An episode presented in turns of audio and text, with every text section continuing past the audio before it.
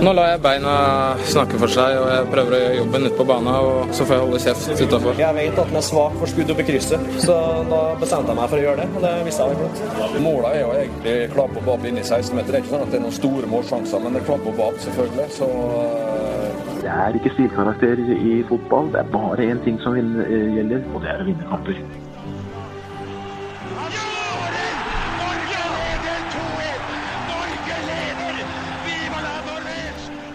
Og der er eh, toppfotball tilbake igjen. En eh, ny uke. Det drar seg til i serieinnspurt, eh, både i topp, eh, i bunn og i alt eh, vi kan fryde oss over av norsk ball. Vi skal gå gjennom veldig mye i dag. Dette skal bli en eh, feit og god episode.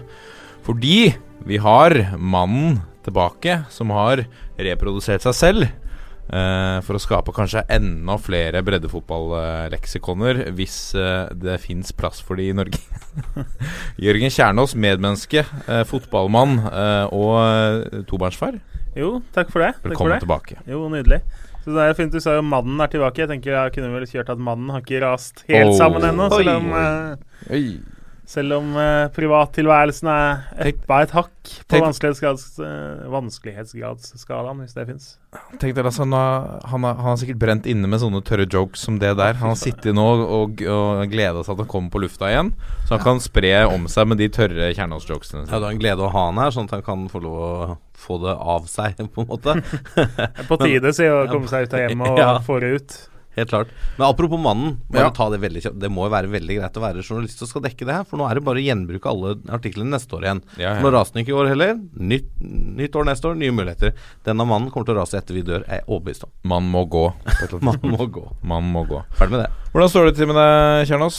Jo, veldig, veldig bra. Det er nå ålreit å være far igjen. og Den lille oppfører seg fint, og det, det er kjempegøy. Og så er det jo ålreit å kunne slippe litt ut av huset og da få lov å snakke litt ball nå. Ja, det er fordi det går sikkert litt utover eh, fotballtiden din, dette.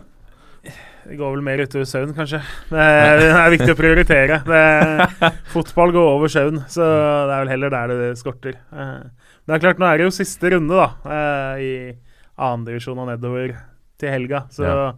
kan det hende at det prioriteres litt annerledes i tiden framover da. Ja. Ja, du skal ta oss eh, innom noen Du har lovet oss noen skikkelig lekkerbiskener av noen uh, sesonginnspurter her, som du skal ta oss gjennom Ja, det er et par som er fantastiske, og som er litt sånn at du eh, er, Jeg skulle nesten ikke tro det er mulig å få det til. Så at virkeligheten har klart å ordne det sånn, det Jeg gleder meg til vi skal snakke om det. Du kalte det en, en skikkelig sånn Boeing pocket Ja, det er litt sånn den ene fra fjerdediv, uh, hvor det er siste runde, er litt sånn at uh, Nesten litt Boeing Pocket med en liten Dash Norway Cup inni. Å, fantastisk. Jeg kjenner jeg gleder meg. Uh, Vangsheim, vi har eh, fått inn noen ratings, det veit jeg. Det veit du, og da har vi de. La Vi- meg, vent, bare la meg lene meg tilbake. Ja, vi har fått to ratings. Uh, vi har fått en fra John. 70, syv- 78 900, kaller han seg. Hei, John! Hei, John. Han skriver OK og gir oss fire stjerner. Ja, det, er- ja, det er greit. Vi lever godt med det. Ja. Veldig bra fotballpod, flinke folk og spennende gjester. Kan bli litt mye Viff og Oslo til tider, men det tåler vi. Kult at det også snakkes litt om fantasy. Ja. Synes det er litt synd Håvard ikke er med så ofte lenger. Keep up the good work. Smiley face. Håvard er eh, jo eh, i eh, sin TV-kjendisperiode.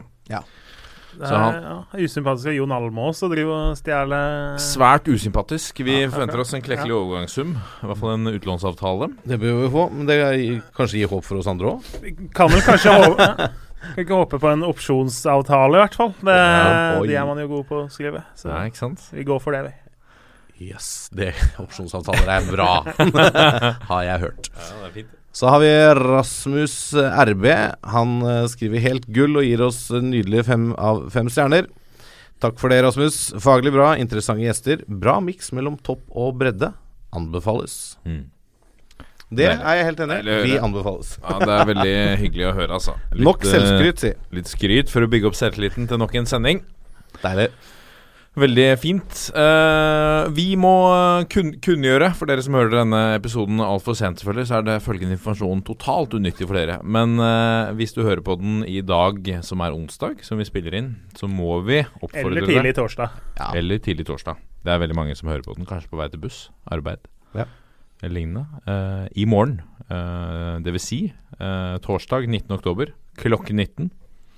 19, 10, 19 altså. Ja. Så er eh, vi, dvs. det vil si jeg og deg, Wangstein, og Håvard Lilleheie, ja, så hvis du savner Håvard Lilleheie kom på pokalen, da. Yes! I morgen klokka sju. Torsdag 19. oktober klokka sju så hoster vi quizen, fotballquizen på pokalen. Det blir uh, eh, Det blir bra. Jeg syns vi, har, eh, synes vi har fått fram bra spørsmål. Ja, det er, vi har fått spørsmål. Ja. Eh, og det- skal sies at det er litt eh, Det er ikke bare norsk fotball, da. Vi, må, vi går litt bredere, mm, nå som vi er quizmastere. Ja. Uh, og det er litt varierende Skal jeg kalle det vanskelighetsgrad. ja. Vi har innsett at folk elsker eh, Mange som hører på denne podkasten, liker godt å høre om historier fra fjerde, femte og sjette divisjon.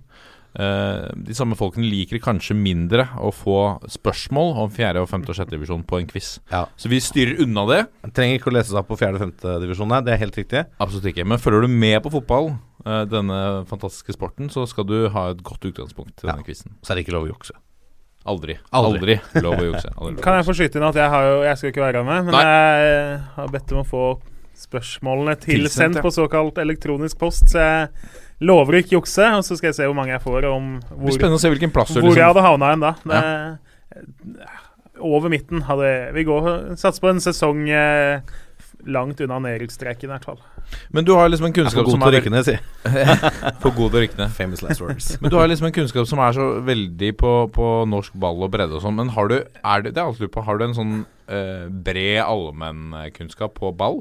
Kan du liksom noe Ja, altså jeg er Ikke noe sånn der at uh, det er noe autisme inne på europeisk fotball og sånn, men uh, uh, man får da med seg en del. Og så er det jo så klart at eh, det som er fra dette årtusenet, er selvsagt noe man er mye sterkere på enn når det begynner å bli eh, 95 og tidligere. Da, da kan man det største, og så er det mye annet som ikke er med. Hva, Men- kan du, ja. hva kan du mest om, da? Bortsett, bortsett, fra, bortsett fra norsk ball.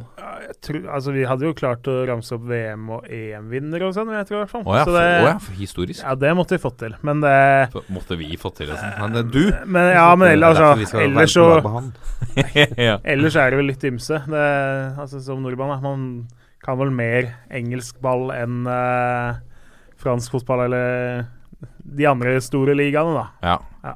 Men nei, du- for det er ikke sånn at du skrur av TV-en når det begynner Champions League 2045? Nei da. Det, det, Han vi, vi gjør switcher ikke det, altså. til Men fjerde det, eh, nei da. Men det er klart at det kolliderer med andre ting. Så er det også sånn som i går, da, så spilte jo mitt AFC Wimbledon. Ja. Eh, så da sitter jeg jo heller og ser det på PC-en og lar fruen eh, få eh, TV-en. Så vi beholder vi litt, litt av husfreden nå, på en måte. Det, fordi det tross alt er noe jeg interesserer meg for Jeg har ordentlig lyst til å se. Men så klart, Champions League blir ikke skrudd av. Har litt å lære, hører jeg. Ja, absolutt. Apropos husfred, hvor For jeg vet eh, Jeg, jeg ser noen ganger bilder av at du har fotball på tre skjermer og fire skjermer og nå styrer årene med tippelapper her og der. Og hvor eh, stor takhøyde er det hjemme hos deg for å se Hvor mye fotball får du sett på en uke? Nei, man får jo egentlig sett så mye man vil, men det det går begrenser egentlig stort sett til helger og, altså, og det viktigste ellers, altså. Det, jeg er ganske sikker på at veldig mange av lytterne ser flere antall timer med live fotball. Ja. Eh, men hvis vi regner med å på en måte lese artikler og gjøre research og så videre, så tror jeg nok vi er et godt stykke over gjennomsnittet. Jeg, jeg, tok Håper meg, selv- jeg tok meg sjøl her en uke hvor det var Det var først Premier League i helga, og så var det jo da både Eliteserie og Premier League på mandag. Så er det Champions League tirsdag, onsdag, Europaliga fredag, Eliteserie fredag, lørdag, søndag, mandag med Premier League inni der. Tok jeg meg sjøl i faktisk Nå har jeg sett fotball ti dager på rad. Ja. Nå begynner det å bli bra. Det veldig bra.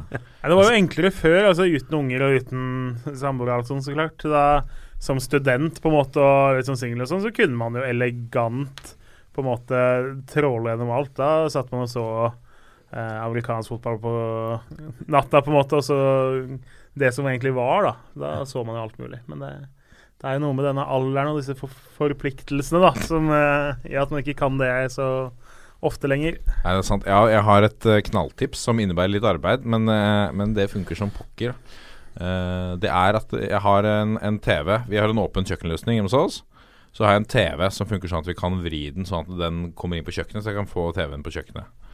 Um, og for å, å få sett Så er det ikke alltid like populært at jeg skrur på en fotballkamp på en lørdag klokka fire. uh, men uh, jeg har begynt å bake. Ja. Uh, og det er et ganske snedig lite triks. Så jeg baker Og om jeg baker Det er mengder av rundstykker. Det er alltid rundstykker i fryseren hjemme hos oss. ja. Samboeren tar med det på, på jobb. Um, Blir jo fornøyd. og så vil jeg sett matcher, da. Ofte to matcher kan det gå, da. Hvis du lager en ekstra stor batch med rundstykker, så tar det for to matcher før den er ferdig. Men er det sånn at når det blir litt ekstra spennende, så blir de rundstykkene litt vel mye knadd. Det kan, eh, det kan skje, det. Ja, det er innafor. Så, så det, er, eh, det er noe å ta med seg for lyttere der hjemme, altså. Eh, begynn å bak. TV på kjøkkenet, begynn å bak. Ja. Lykke til. Og så scorer du litt poeng også. Det er, det er veldig bra, det. Det er viktig. I dagens sending, mine herrer, skal eh, vi eh, innom at vi har fått en seriemester for kvinner eh, i toppserien. Det må vi touche innom. Vi må innom Pål Anne Kirkevold. Så har vi fått tre nordmenn som seriemester i Malmö. Så skal vi se nærmere på Vi har jo spådd, vi. Eh, vår spådom på sesongfinishen i Eliteserien ved å legge inn eh, våre forventede resultater på de gjenstående kampene. Det er eh, interessant å se i hvert fall hvem som rykker ned, og hvem som tar europaplass. Eh, så har du lovet oss litt juice eh, når vi skal eh, touche innom sesongavslutningen i de lavere divisjonene, Kjernås, senere. Ja, det, det blir som sagt helt nydelig. Så er det kommet en ny utvikling i dette kaoset om lynopprykk eller ikke. Og den saken følger, følger vi tett. Følger tett. Og skal vi selvfølgelig se nærmere på neste eliteserierunde. Nå kommer pulsen. Da er vi kommet til pulsen. Tidlig puls eh, denne sendingen. Rett på. Rett på pulsen. puls. Det er fint. Det er fint. Eh, første saken er Vi har fått en seriemester i toppserien. For fjerde året på rad, altså. Lillestrøm eh, tar bøtta, og sesongen er ikke ferdig ennå, Lasse. Nei, Det er igjen to kamper, da. Og det er jo selvfølgelig kjempesterkt av LSK Kvinner, som det heter. Eh, jeg fikk en påpekning på Twitter forresten etter forrige episode, hvor eh, jeg nevnte dette at jeg syns kvinnelagene bør bare hete det klubben heter. Men så er det jo som sant, som Espen Odemark heter, sier, at LSK Kvinner og LSK er ikke samme klubb. Å nei. Nei. Nei. Det er ikke under samme styre og stell og sånn. Det er jo et uh, poeng, selv om både LSK og Kanarifansen vel trykker LSK kvinner til sitt uh, bryst, i hvert fall når det går bra. Mm. Ja. Så det er jo en Det er Lillestrøm. Ja. Men det er vel det laget, da, sammen med delvis Avaldsnes, som satser mest i toppserien, så er det ikke veldig uventa at det er LSK som tar med medaljen her. Nei. Eh, egentlig, de har mye mer midler til å kjøpe fri spillere til trening og kamp, og tilpasse hverdagen, så de spillerne er best mulig rusta til å prestere på et høyt nivå. Og da det, Dette er liksom litt forventa. Uh, kanskje mange hadde tenkt at Avaldsnes skulle melde seg ordentlig på i år. Ja, Men de hang jo med helt til slutt. Ja, de gjør det. Det er to kamper igjen, da. Ja, ja. Men uh, nå er det sånn Avaldsnes kan fortsatt teoretisk miste sølvet. Fordi Stabæk uh, De halser etter. Men eh, Stabæk har en Lillesund borte og Trondheimsøren hjemme. Og Avaldsnes har en Trondheimsøren borte og bunnplasserte Medkila i siste hjemmekamp. Så det er jo Altså Stabæk er avhengig av at eh, Avaldsnes roter noe voldsomt for å ta sølvmedaljen. Og Trondheimsølen hadde jo, den, eh, hadde jo rekorden for flest telegull på rad. Fire. Fra 94 til, eh, til eh, 97. Så den er den tangert 97. nå. Så den er tangert nå. Så Mm. neste år så nå har de muligheten til å gå forbi. Det er muligheten. Og så er det jo litt grann spennende i bunnen nå. Sånn I hvert fall det er eh, Kolbotn eh, kjemper for å unngå nedrykk. De er ett poeng til gode på Grand Bodø, Mm. som og har en betydelig bedre målforskjell da enn en Bodø-laget. Eh, men det som er veldig spennende, her er jo at de to lagene møtes på Kolbotn i siste serierunde. Den kan jo bli litt uh, avgjørende da hvis ikke Bodø roter og Men det er vel uh, kvalik, for Mekkila går vel trolig rett ned, og så er det da 11.-plassen er jo kvalik. Ja, Ja, ja. så det er om å Ja, det er kvalikplass, be- beklager. Og den, er, og den er jo sånn, altså Man skal jo ikke avskrive laget fra første divisjon, Nei. men i fjor så hadde Gran Bodø der hadde vel en voldsomt tung sesong, og så hamra de over førstedivisjonslaget, mener Ja. jeg husker. Så det, Burde du sagt for å unngå direkte nedrykk. ja, ja, det er ganske stor nivåforskjell, så det å havne på kvalik der, det er mye bedre enn å havne på kvalik i Eliteserien for menn, i hvert fall. Ja, for På kvinnesiden så er gapet mellom førstedivisjon og toppserien er ganske stort. Forholdsvis stort. De har vært kraftig, de resultatene de siste åra når de Ja, har møttes. og det er ganske stort nå mellom de tre-fire i bånn der og opp Ja. til de rett over. Altså Gran Bodø har en Vålerenga hjemme i nest siste runde, og Kolbotn har eh, hjemme Nei, eh, beklager bortekamp mot Medkila, som ligger helt nederst. Ja. Så det, det, det lukter jo veldig fort her at uh, det blir avgjort før den siste kampen, da. Mm. Så Ja. Stort uh, grattis til Lillestrøm, i hvert fall. Så gikk som, det jo Vi må skyte inn, beklager. De gikk jo videre i Champions League også. Ja, ikke minst. Slo ut Brøndby. Det var vel litt skuffende med 0-0 hjemme, og så vant de i Danmark. Mm. Eh, nå venter Manchester City i neste runde. Det er jo et interessant oppgjør. Det er jo en del av de her store klubba som jo satser litt nå. Barcelona slo jo ut Avaldsnes, har jo akkurat begynt å satse litt. Og møter man Manchester City. Og, så det, det er navn man kjenner igjen en del av, da. eh, fra det klinger godt, liksom. Ja, ja. Og det er eh, som Ja, Ingebrigt Steen Jensen sa det jo, at han oppfordrer Rosenborg til å, å starte et lag. Eh, vi ser at de store klubbene gjør det i Europa, eh, og dette må bygges ste, stein for stein. Og så må noen begynne, og så må noen komme etter. Og her har vi eh, vår fulle hyre med vårt eget fotballforbund. Så Men det er jo litt sånn, altså, sånn som det jo har vært i norsk fotball. Eh, vi var jo ganske tidlig ute med klubber og med serier på kvinnesida. Mm. Eh, og da ble det jo på en måte noen klubber som fikk litt den rollen. Så det er jo ikke som at man neglisjerer kvinnefotball helt, men man har Trondheimsørn istedenfor Rosenborg. Ja. Eh, så det blir jo litt det samme. Altså Bergen har Arna-Bjørnar og Sandviken som har eh, sant. eh, satsa. De har i ikke Brann. Eh, så de fleste Og så er det litt sånn altså, du har Klepp eh, i nærheten av Stavanger. Da. Det, eh, og så LSK har jo vært Setskog Høland, og så ble det Team Strømmen, og nå er det LSK Kvinner. Mm. Eh, Stabæk eh, dame var jo egentlig Asker, og så ville man ikke satse der, så da bytta de på en måte flagg der òg. Så det er jo egentlig bare Vålerenga som har eh, Av disse dameklubbene som jo har eh, skapt noe fra bunnen av sånn sett, på en måte, og gått oppover i divisjonene. Eh, og så kan man jo mene at kanskje vil det på en måte fenge folk sier Trondheim, da. Hvis Trondheimsølen bytta navn til RBK Kvinner eller et eller annet, så ville sikkert det gitt dem litt eh, sånn ny giv. Men ja, det er en spennende diskusjon i hvert fall. Men da igjen så, så kaster du på en måte bort eh, det Altså historien til Trondheimsøren, Ja. på en måte. Så Ja, men det, liksom, Du har jo sett det er flere klubber som har gjort det. da Mm. LSK, som du sier, har skifta flere ganger. Asker, som var en kjempebra klubb i toppserien, som da ble Stabæk. Det blir kanskje ikke det samme hva skal jeg si, i nærheten til lokalmiljøet eller til de ekte supporterne da som hvis du bare beholder For det, jeg vil jo tro Trondheimsøren har jo noen som føler seg Røa, ikke sant. Altså, Mm. Det var jo mange som fulgte Røa Dynamite Girls i sin tid også, så det er jo Ja. Det er, det er vanskelig, det der. Altså, du skal liksom kan, Da kanskje Rosenborg bør heller lage sitt eget lag, da. Da konkurrerer du med Trondheimsølen. Da kanskje du spiser opp Trondheimsøren. Det er ikke sikkert det er bra heller. Nei. Akkurat det der er jeg midt i, for nå har Bodø-Glimt har nå bestemt seg for at de skal satse på kvinnefotball nå. Ja. Der er det jo Gran Bodø. Eh, og så så jeg i Avisa Nordland at eh, i Gran så er de litt eh, snurt, fordi eh, de har bedt om samarbeid og litt samtale med Glimt, og så eh, har de egentlig ikke hørt noe før de fant ut at oi, på et styremøte nå så har Glimt bestemt at nå skal vi satse på damefotball. Eh, og så skulle det ikke være noen konkurrenter, men det, jeg tenker jo at eh, de bør konkurrere. Nei, ikke konkurrere, men de bør samarbeide.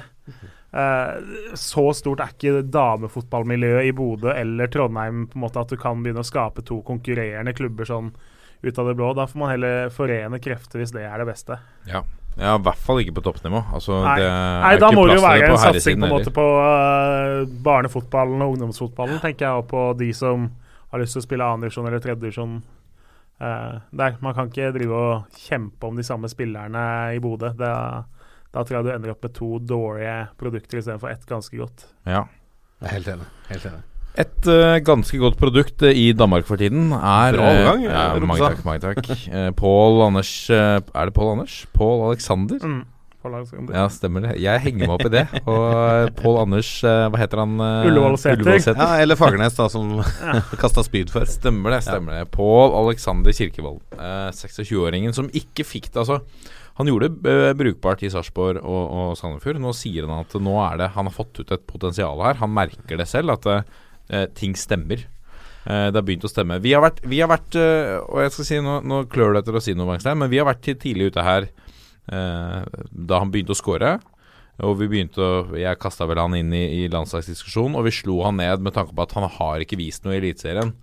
Uh, vi så han Han spilte for Sarpsborg, vi så han han spilte for Sandefjord. Det er bra, men det er ikke uh, landslagsklasse.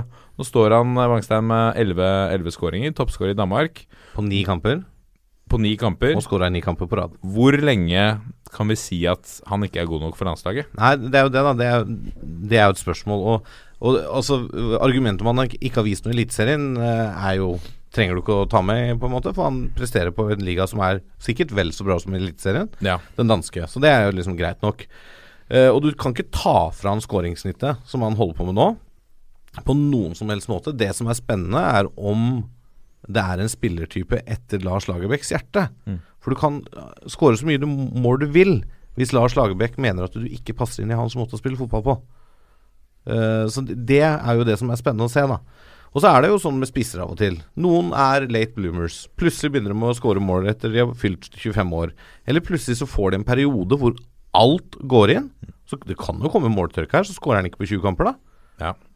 Han gjør jobben og river og sliter, men får ikke måla. Ja. Sånn er det med spisser, ikke sant. Nå er, altså, heldigvis for han, så, er, så treffer han jo på mye nå, og det går unna. Men eh, spennende å se om eh, spillertypen passer Lagerbäcks spillestil.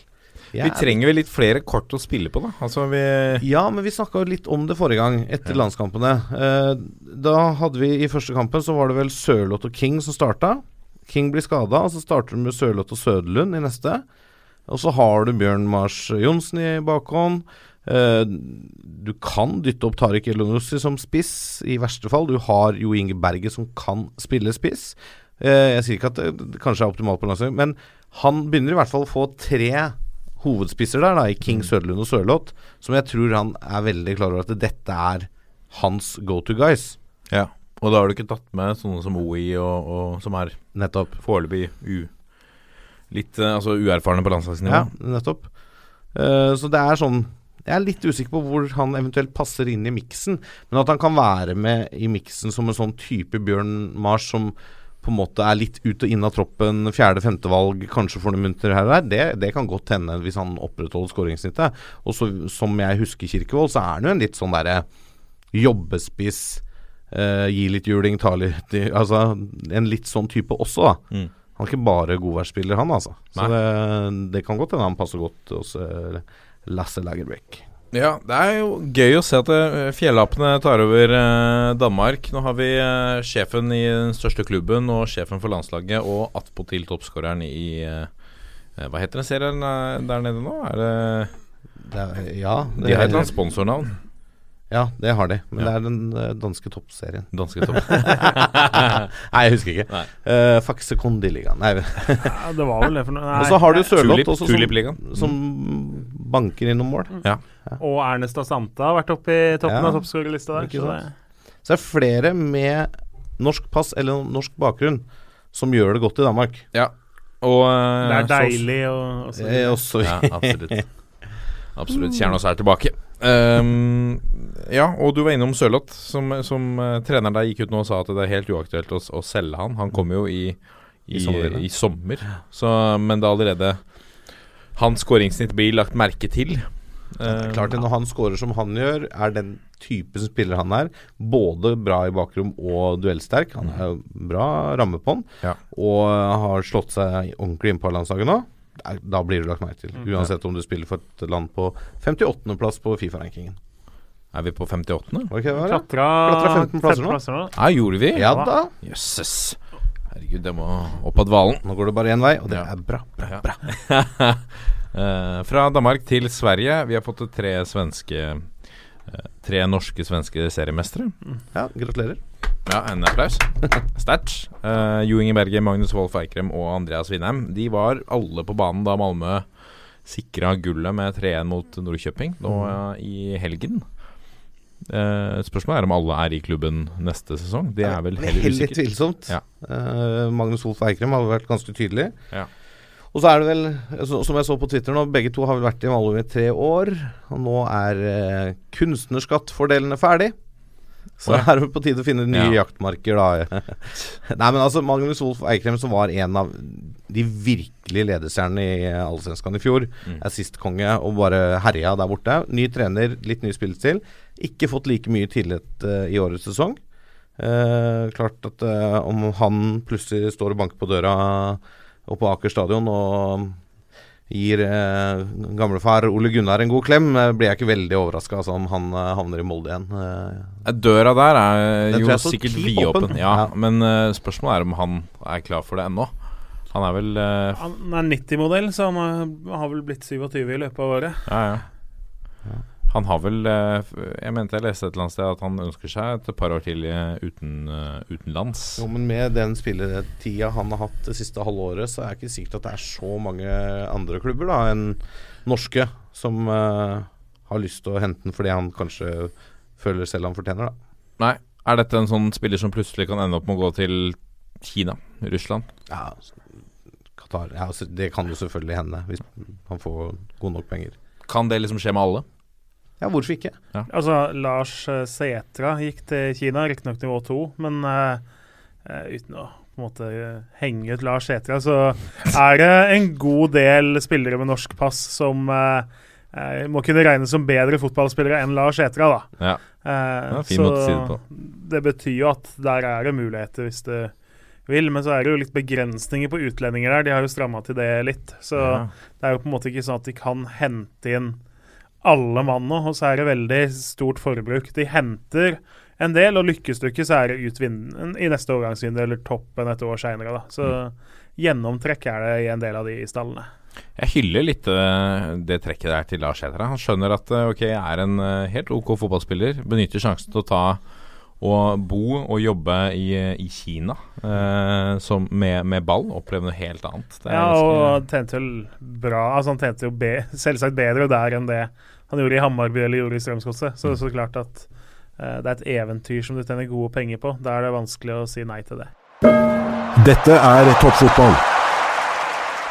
Så skal vi til eh, post, spalte, slags eh, sak, eh, breddefotball. Um, eh, vi eh, prøver jo å, å tenke bredt før hver sending. Hva kan vi hente fram, og hva som har skjedd på bredden i norsk ball, Lasse?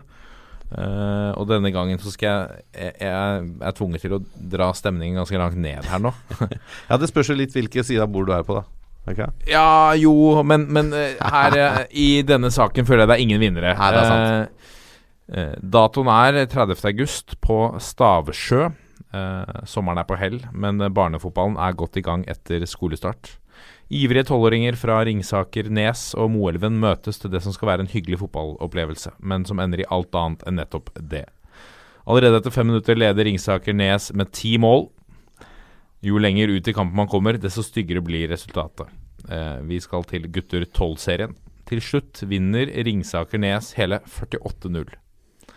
Eh, Gnisten er for lengst borte hos barna, eh, på vinnerlaget også, så vel som hos eh, Moelven-spillerne. Noen gråter idet de går av banen etter at kampen er over. I kjølvannet av kampen var mange av Moelven-spillerne så lei fotball at de ikke ville mer. Moelvens gutter 12-lag måtte etter hvert trekke laget sitt fordi de ikke var nok spillere til lag. Altså Dette som i utgangspunktet, da jeg leste saken eh, Sitatet her nå er hentet fra Hamar Arbeiderblad. Så eh, slo det meg først som en litt sånn komisk sak, om å dra litt på smilebåndet etter at de ligger, de ligger under 10-0 etter fem minutter. Ja. Altså hvordan er det mulig? Eh, men så utvikler det seg jo til å være en ja, det, er- Dette er jo bare trist. Ja, det er kjempetrist, og det er eh, Og det er gutter 12 da begynner å bli litt gu- Gutta litt, begynner å bli litt voksne. De skjønner forskjell på seier og tap, Ja. uh, og det preger dem, helt Ja. klart. Men det er som du sier, dette er ikke gøy for de som vinner 48-0 heller. Nei. Fordi at de, de, de får ikke noe ut av en sånn kamp. De blir ikke noe bedre fotballspillere av å vinne 48-0. Altså de, Det beste oppgjøret på det nivået der er når det er jevne kamper. Eh, tett og jevnt hele veien, og de kjemper mot hverandre. Så er det jo også sånn litt nedover at du Altså det laget som ligger under veldig mye, kan dytte på en spiller til. Mm. Og dytte på en spiller til liksom, for å prøve å jevne ut. Det har jo tydeligvis ikke skjedd her. Men det er jo jeg, jeg mener det her er litt grann opp til fotballkrets, og det er litt grann opp til det, hvert enkelt lag. For du skal jo melde på på nivå, laget Ja. ditt. Jo, og det, men det baserer seg jo i dag på hvor mange treninger har dere i uka? Ikke sant? Og det er sånn De fleste trener kanskje to ganger i uka, da. Så da, er da må du heller prøve å tenke Ok, har vi en bra øh, gruppe nå, eller har vi en gruppe som trenger å liksom øh, kjenne litt på å vinne? For hvis du melder på et lag for lavt nivå da, for, at du bare skal vinne, da ender det her, ikke sant? Eller så har du et lag som har meldt seg på på et for høyt nivå, sånn at de taper ti av ti kamper. Ja. Og så, kan du, og så går det an å gå inn og justere på sommers... Du har jo vår- og høstsesong. Eh, men det, det må gjøres mye bedre, sånn at vi unngår det her. For det, altså her har sannsynligvis da ødelagt fotballgleden for en haug med tolvåringer, som i hvert fall burde spilt fotball i seks-sju år til. Ja. Og hatt glede av fotball i seks-sju år til. Nå er det sånn Nei, jeg gjør noe annet. Ja. Det er kjedelig, altså. Ja, det er, eh, jeg vet at uh, fotballkretsen og, og klubbene der nå uh, har gått i et samarbeid for å, uh, å unngå slike tilfeller, eller se på hva som kunne vært gjort annerledes. Fordi det er jo eh, også trist for motstanderlaget her at en, en såpass storseier også blir bare stående igjen med negativt eh, utropstegn bak. Jeg syns Lasse oppsummerte det veldig godt. Det er klart det, Uten å vite hva som har skjedd her de, Jeg så de prøvde vel å plukke én mann først, Ja. og så prøvde de seg med to touch eller én touch eller et eller annet, men det hjalp ikke det heller, på en måte. Eh, og så sa de jo litt da at de lurte på å skulle plukke av én til, men så blir det litt sånn det blir jo å drite ut motstanderen litt, det òg, da. Hei, vi spiller med tre mot fem, og likevel så skårer vi masse mål. Det er ikke noe god følelse, det heller. Så jeg skjønner jo litt det dilemmaet du står i som trener. Men det er ikke fem, var det fem med ball? Nei, eller var det sjuer? Det er er det. ja. Men likevel, da, du skal begynne å spille fem mot sju, da.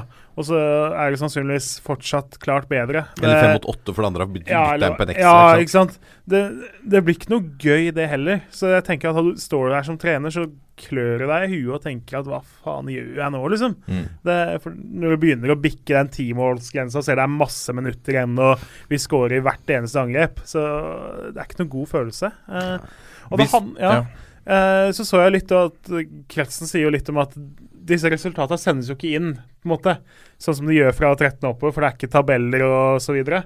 Uh, så kanskje har man ikke, tenker jeg, helt god nok kontroll på nivåa på laget, da. Det handler jo om å melde på selv og som du sier, antall treninger og uh, At det må gjøres et eller annet der, sånn at man finner nivået. Hvis dette 48-0-laget er fordømt bra, så får de heller spille mot 13-åringer, eller la de fem beste spille 13-årsfotball, og så la de fem andre bli igjen i 12, eller et eller annet sånn, da. For det 48-0 er ikke bra for noen i det hele tatt. Nei, og um, Det er vanskelig å tenke hva, for noe annet kan du gjøre sånn regelmessig da, for, at, for å unngå Altså uten sammenligning for øvrig, men jeg spilte jo hens i min eh, barndom. Håndball, altså. Ja. ja. Eh, Oppe i Valdres. Og det laget jeg spilte for, vi var ganske overlegne i Valdres-serien. Så der ble det innført kontringsforbud. Vi fikk ikke lov å kjøre, rushe, ja. da. Vi måtte bare score på etablert angrep. Vi vant allikevel, men da blei det ikke sånn 28-2, ikke sant, som vi vant uh, noen kamper. Faen, du herja i mye idretter. Nei, det altså, har ikke det. Altså, det jeg, jeg, var på, jeg var ytterst på benken. Å, ja. Jeg var med på trening. Det kom et avisklipp her. Jeg skåra ett av 22 mål. Fantastisk. Men, er, men da kan du gjøre sånne konkrete ting. Da. Ja. Du har ikke lov med rush, liksom. Ja. Men skal, hvordan skal du gjøre det i sjufotball, da? Det er vanskelig. vanskelig. Må spille ballen via keeper og sånn, liksom, eller Ja. et eller annet sånt. Jeg vet ikke. Altså, Det er ikke utviklende, det, vet du. Da er det bedre å prøve å finne de lagene som matcher hverandre. Ja, ja, ganske. Også, men så er det jo klart at dette er jo eh, Det er jo ikke så mange lag å ta av der, sånn som det er i f.eks. Oslo eller Bergen, da, hvor du har eh, hundrevis av lag og på en måte kan justere litt mer. Her er det små steder, og så har de ett lag hver. Det er ikke eh, Ringsaker 17 mot Moelven 5 som Nei, spiller, på en måte. Det er det ene laget, eller kanskje de har to, for alt jeg veit. Men eh, så du har liksom ikke samme mulighetene til å justere deg uten at du må begynne å reise timevis til kamp. da. Ja.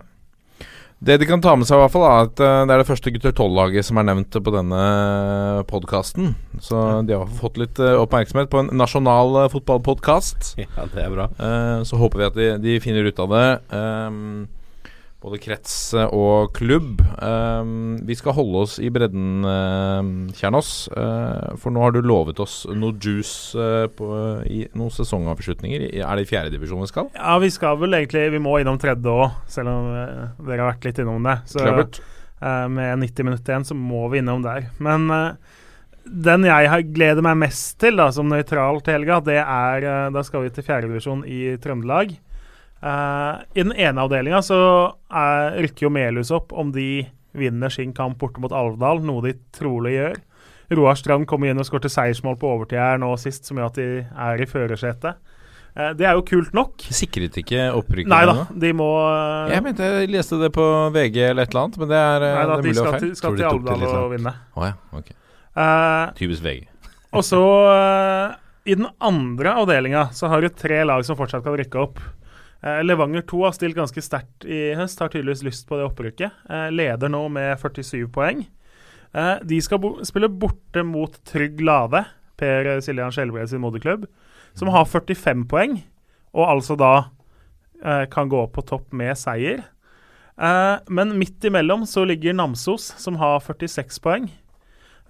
Og det spesielle her er jo Trygg Lade spiller jo på Ladesletta. Nå vet jeg ikke hvor godt kjent dere eller alle lytterne er i Trøndelag, men Ladesletta er jo da Ekebergsletta i miniformat. Er det der Eh, Lade gårds eh, pilsner kom fra? Ja, det er ikke så langt unna. Okay. Det, eh, der er det en er det nå, seks, sju, åtte baner.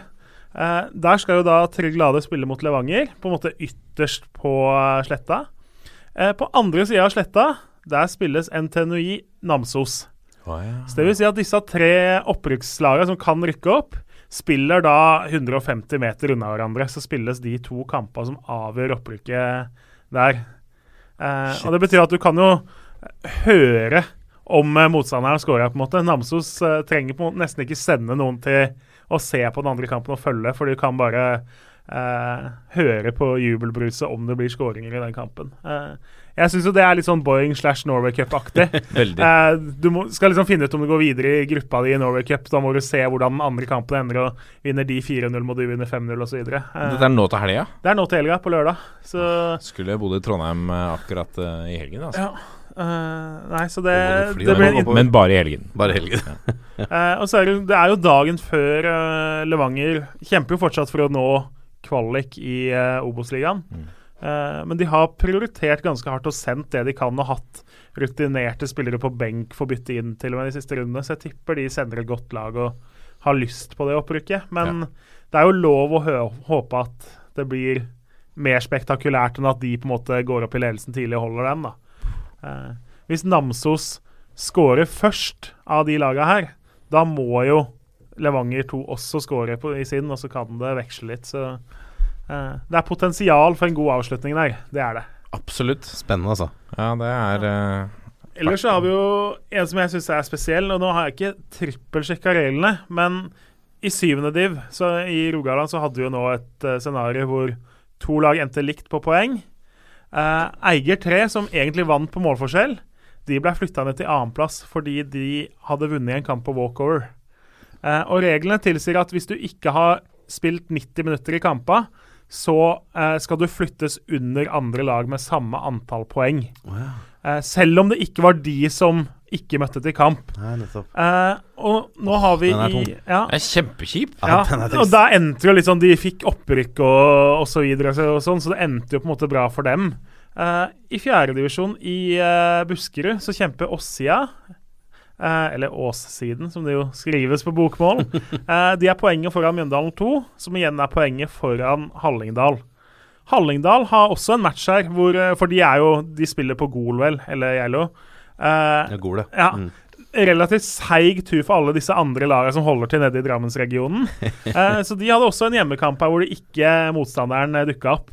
Eh, og da skal vel, ifølge de samme reglene, hvis de da henter inn Ossia sitt topoengs forsprang, som ikke er helt usannsynlig, fordi Ossia har en litt ekkel kamp bort mot Kongsberg nå, ender de likt på poeng, så skal vel da faktisk Hallingdal miste det opprykket på det her. Men nå, jeg tror de har noe sånn De har en haug av dårligere mål i målforskjell, så det blir ikke gjeldende sannsynligvis, med mindre de vinner 30. Ja, for det må være likt på poeng og målforskjell. Nei, Nei, hvis du har pluss 100, uh, så havner du bak et lag med pluss 30. Hvis du ikke har spilt alle kampene dine. Uh, Tenk deg, tenk deg at du kan Ja. Du har gjort alt riktig, og du møter et bunnlag som Ja. ikke stiller til kamp, som du mest sannsynlig Ja. hadde dunka, og så er det de, da. Det er den kampen Ja. som avgjør. Ja, det er trist. Eh, og som sagt, nå Researchen er ikke 100 For jeg har ikke sjekka Men jeg regner jo med dette også gjelder i fjerdedivisjon Buskerud når det gjaldt i syvendedivisjon i Rogaland. Mm. Eh, og det var litt samme Skarp valgte å utsette en, en kamp her. De endte jo med å rykke opp i, eh, fra fjerdedivisjon i Troms. Skulle møte Burfjord, som eh, eh, på ti kamper i høst hadde den rolig 0-104 i målforskjell. Eh, kunne ikke stille lag, så da valgte jo Skarp heller å utsette kampen istedenfor å ta 3-0 på walkover. Ja. Eh, for de kunne jo ha På grunn av dette? Nei, og fordi de ville ha målforskjellen, da. Ja. Men de kunne ha endt lik likt med Lyngen Karnes. Det var ikke så langt unna. Det ble ett poeng som skilte der. Eh, og da hadde de valgt walkover og Lyngen Karnes hadde tatt ett poeng til, så skulle vel egentlig denne regelen ha blitt tellende da. Og da ser jeg for meg at eh, det hadde vært litt mildt raseri.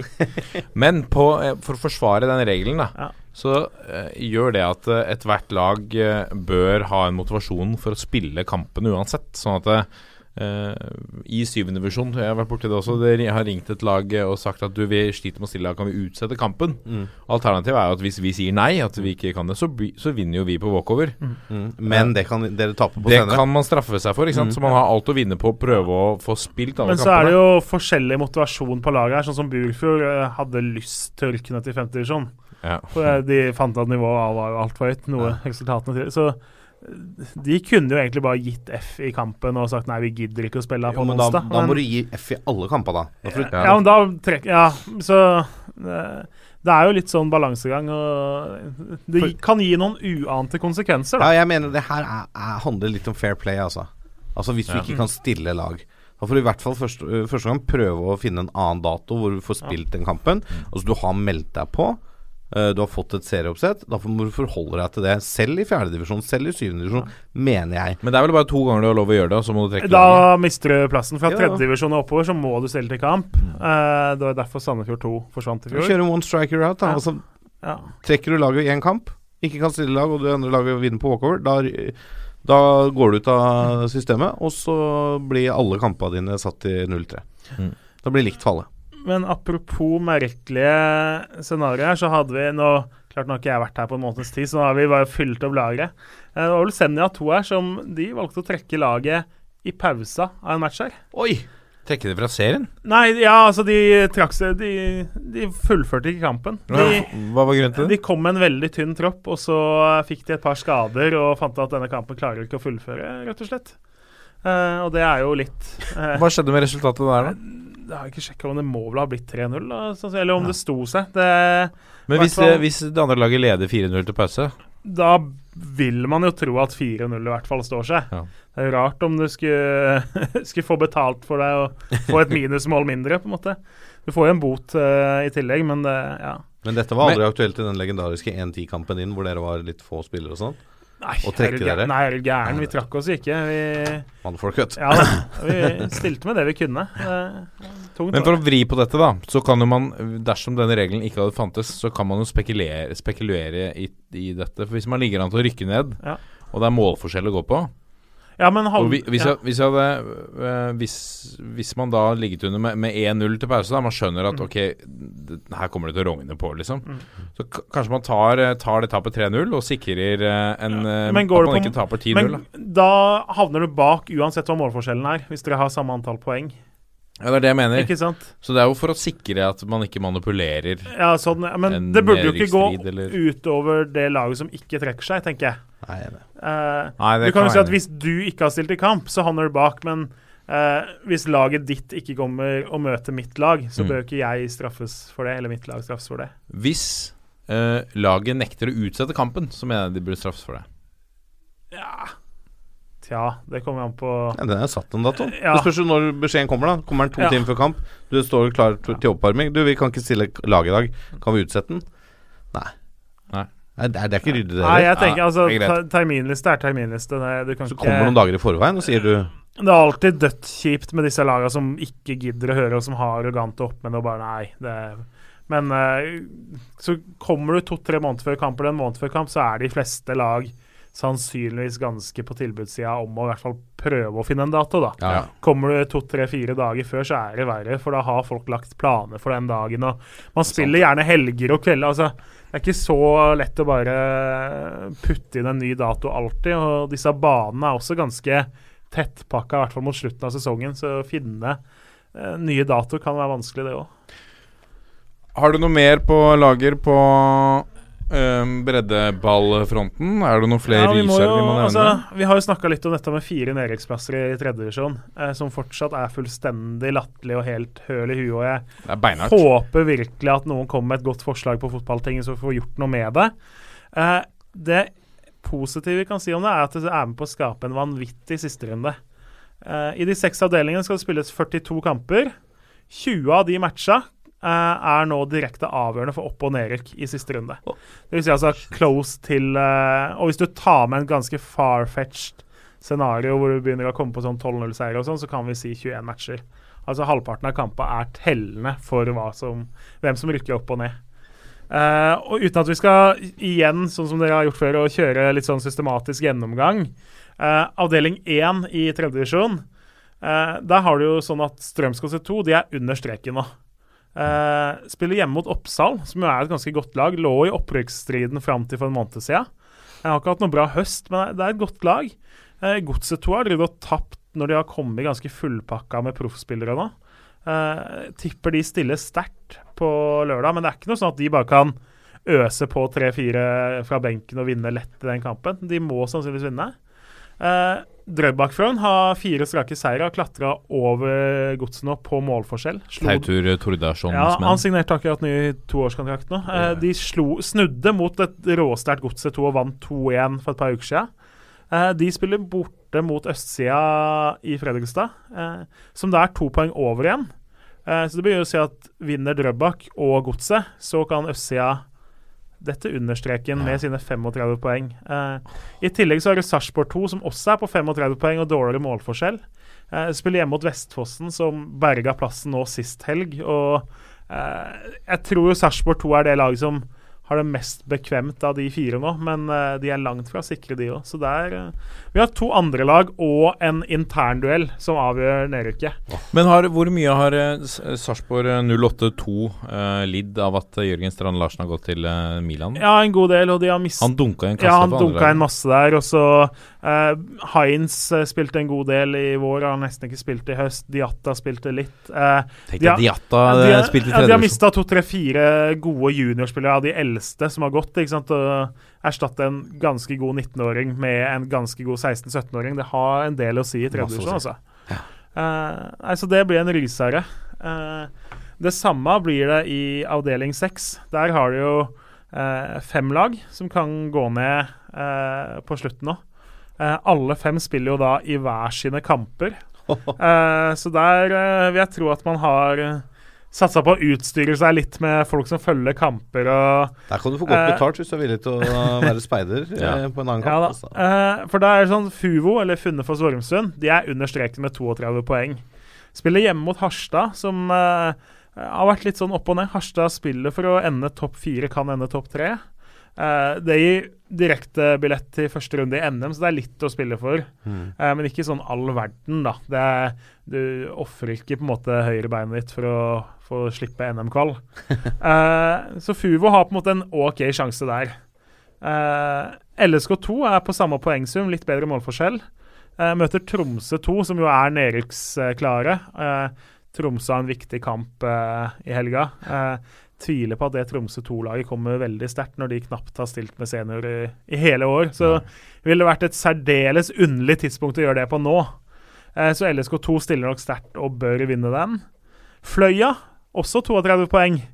Eh, mista seieren to minutter på overtid mot Skedsmo nå i helga. Eh, kan koste dem dyrt. De har en ganske ekkel kamp borte mot Senja, som jo ligger på annenplass. Eh, Hvordan ligger det med Skedsmo nå? Nei, vi kommer til det. Du må ikke mase. Ah, sorry. Eh, Senja ligger på annenplass. Det kan ikke bli noe annet enn nummer to. De har åtte poeng opp og ni poeng ned. Men borte mot serietoeren. Det det er godt å møte dem når de ikke har noen motivasjon, men det er jo ikke noe enkel kamp for det. Eh, Skjervøy har vært, gjort et eh, fantastisk eh, comeback, vært kjempegod i høst. Henta de spillere og fått fulltreff, så de er på 34 poeng. Eh, spiller hjemme mot Lørenskog, eh, som også kjemper for NM-billett. Og eh, Lørenskog trenger at enten Fløya eller Skjervøy rykker ned. Og det dere skjønner Ja. jo selvsagt hvorfor. Neida. Eh, hvis Skjervøy eller Fløya rykker ned, så berger Lørenskog to plassen i fjerdedivisjon. Ja, selvfølgelig. Hvis et, fordi hvis et Akershus-lag rykker ned i fjerdedivisjon, så må Lørenskog 2 ned fra fjerdedivisjon. Det må ikke være Lørenskog engang, bare et Akershus-lag. Ja, hvis Fuvo eller LSK2 eller Skedsmo rykker ned, Mm. da rykker Lørenskog 2 ned fra fjerdedivisjon, for da eh, De endte nest sist. Ja. Eh, nest sisteplassen blir nedrykk hvis det kommer ned Ah, et Akershus-lag. Eh, så de har på en måte egeninteresse av å slå Skjervøy og få de ned, da.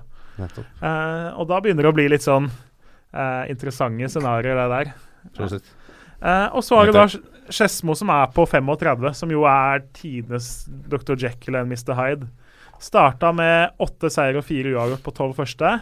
Nå har de 1-4-8 på de 13 siste matcha. Eh, så- De var jo rykta til å henge med helt Ja da, jeg hadde dem på topp, og mange av oss hadde det. Og fikk da Didrik Moster, som skårte 198 mål eller noe i fjor. Litt overdrevet. Han ble skada og spilte et kvarter i år. Eh, det hadde litt å si, men så har de bytta trener før høstsesongen og så bare hatt kollaps uten like.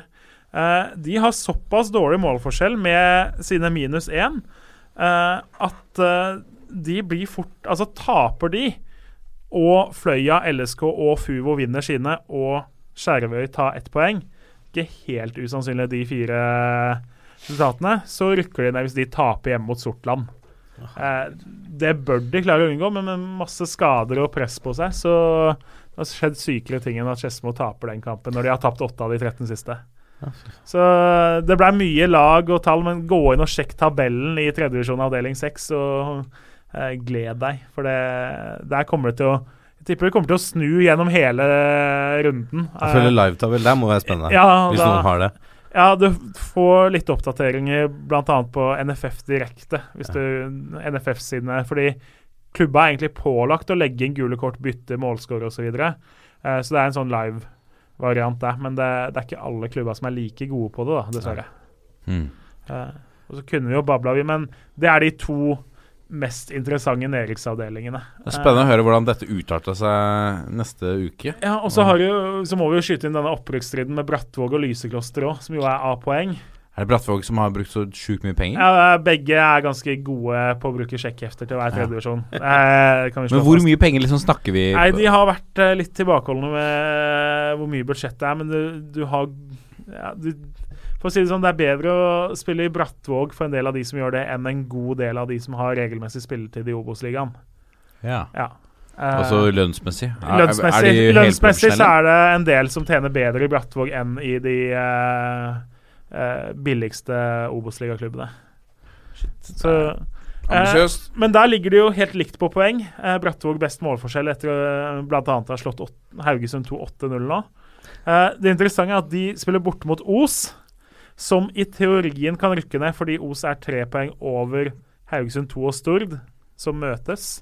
Bare sånn, Det er masse varianter her. Eh, Os 2 har lagt inn protest på Åles Nei, Os har lagt inn protest på Ålesund 2, som brukte en spiller nå eh, sist heller som ikke skulle ha spilt. Eh, Jørgen Hatlo starta forrige eliteseriekamp, og skulle jo ikke da selvsagt ha lov til å starte. Eh, så viser det seg at de kanskje har lagt inn denne protesten for seint. Så det som så ut som en glassklar at 2-2 blir til 3-0-seier, er ikke like klart lenger. Eh, så kanskje de trenger poengene selv. Eh, hvis de ikke trenger de, så er jo det naboen til Lyskloster, og det forholdet er ikke veldig hjertelig i den kommunen der.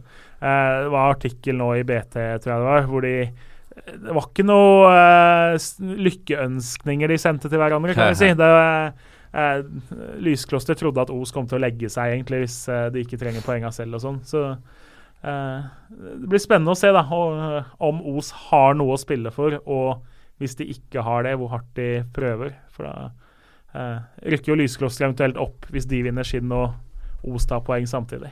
Men eh, disse pengeklubbene, Brattvåg og, og, og Lysekloster eh, blant annet, er det, er det altså kontinuitet nok der til at de kan markere seg i Post Nord og, og etter hvert Obos? Ja, altså Den stallen til Brattvåg og de ambisjonene de har, er jo sånn at uh, de burde egentlig ha berga plassen i fjor i andredivisjon, vil jeg si. De lå jo godt an en stund, og så uh, falt de litt sammen på slutten. Uh, det er jo så enkelt også i andredivisjon at betaler du mer enn mange andre i lønn, så bør det vises også på tabellen. Mm.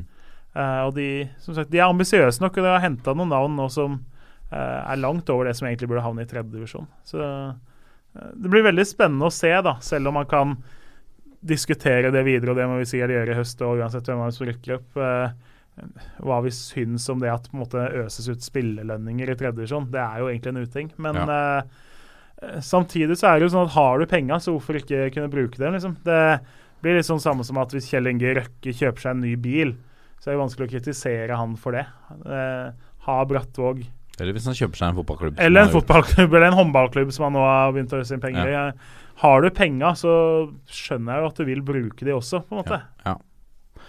Ja, eh, apropos eh, penger og bruk av de. Lyn, eh, Vangstein eh, Ja. eh, De hadde jo litt penger back in the day. Eh, deep, those money are gone.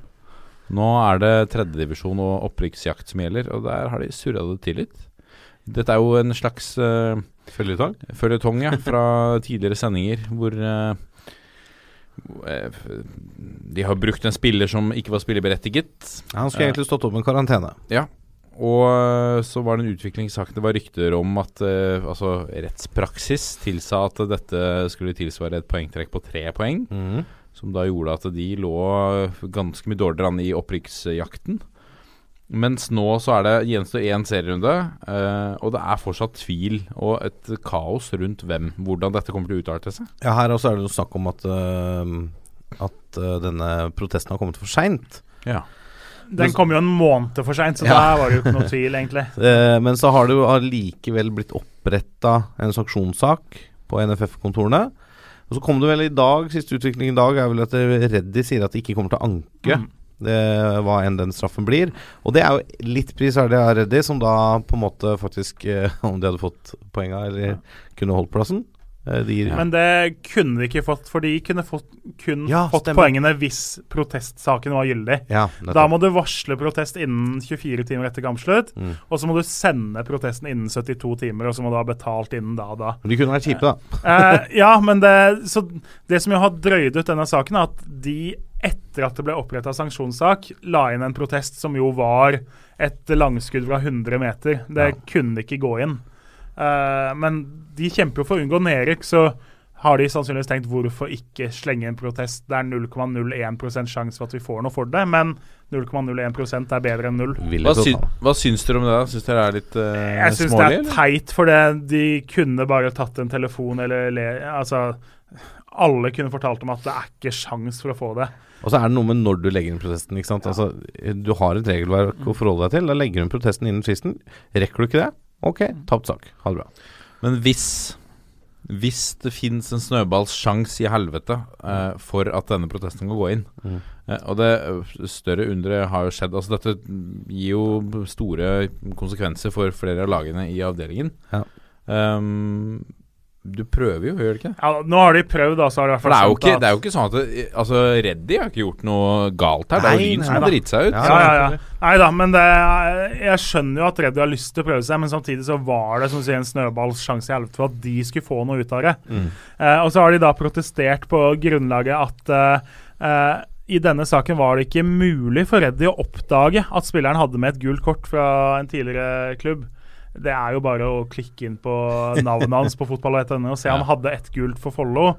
Klikke på det, og i det kom i Obos, og så har han to i Lyn. Mm. Hvis det ikke er mulig å oppdage, da trenger de et kurs i internettbruk eh, på vestkanten, tror jeg. I Trenger litt- Fiks-fotballens eh, Hva heter det for noe? Intern kommunikasjonssystem? Ja, eller? noe sånt, ja.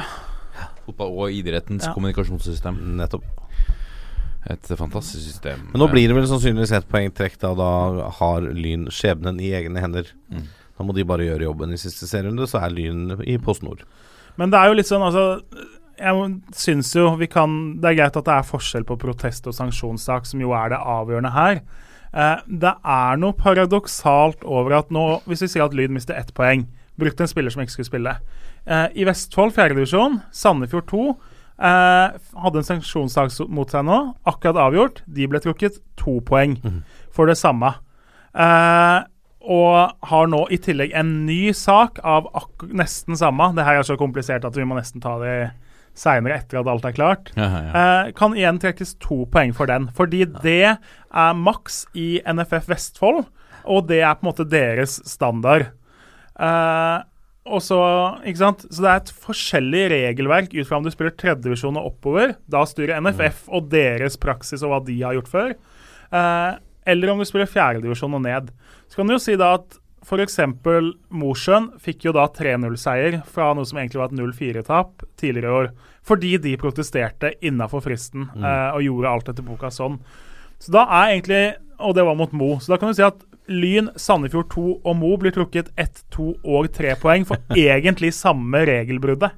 Ja. Eh, og da er det greit at juridisk så er det en forskjell nå osv., men det strider mot min i hvert fall allmenne rettsoppfatning, da. Mm.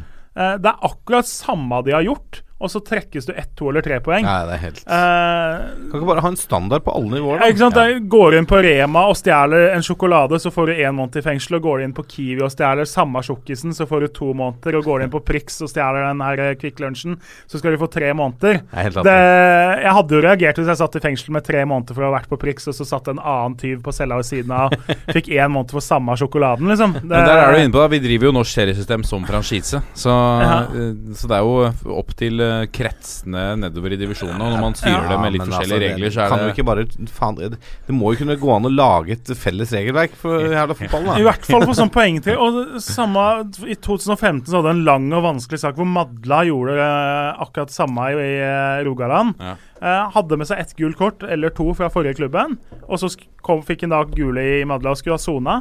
De oppdaga det sjæl liksom, tre uker seinere. Kontakta kretsen og fikk da beskjed om at ja, la han stå over neste kamp, dere, så går det bra. Uh, og så gjorde de det. Og så rykka de opp med topoengsmargin. Djerv 1919, som da endte to poeng bak, protesterte jo og ikke sant. Uh, jo Men det endte jo Madla fikk en bot, nullpoengstrekk, og rykka opp. Så det er litt sånn De saka her er det Man kan si at det nesten er litt eh, Det kommer an på hvem som behandler saken. Ja, og så er det ja. eh, Jeg kjenner jeg blir irritert. At ett kan poeng er gå vanlig. Ja. Det, vi kunne snakka mye om rare sanksjoner Altså, et eller annet i hvert fall er litt sånn at eh, det er litt følelsen av tenk på et tall til Ja. tider her, altså. Ja. Men se det- for deg det kommer inn en eh, telefon til Rogaland fotballkrets, og så bare Ja, du Madla Ja, ja, ja. La han stå over neste kamp, så ordner det seg. Ja. Det er, eh, Eh, nei, og, men eh, det som jo er ekstra spesielt her, er jo nå må vi gå videre Ja, før. Sparkstein klikker. Ja, siste ett poeng eller to poeng. Mm. Trekk for Lyn er jo fort det som avgjør om de rykker opp eller ikke. Og det er jo ett og to poeng som er de to mest sannsynlige utfallene her.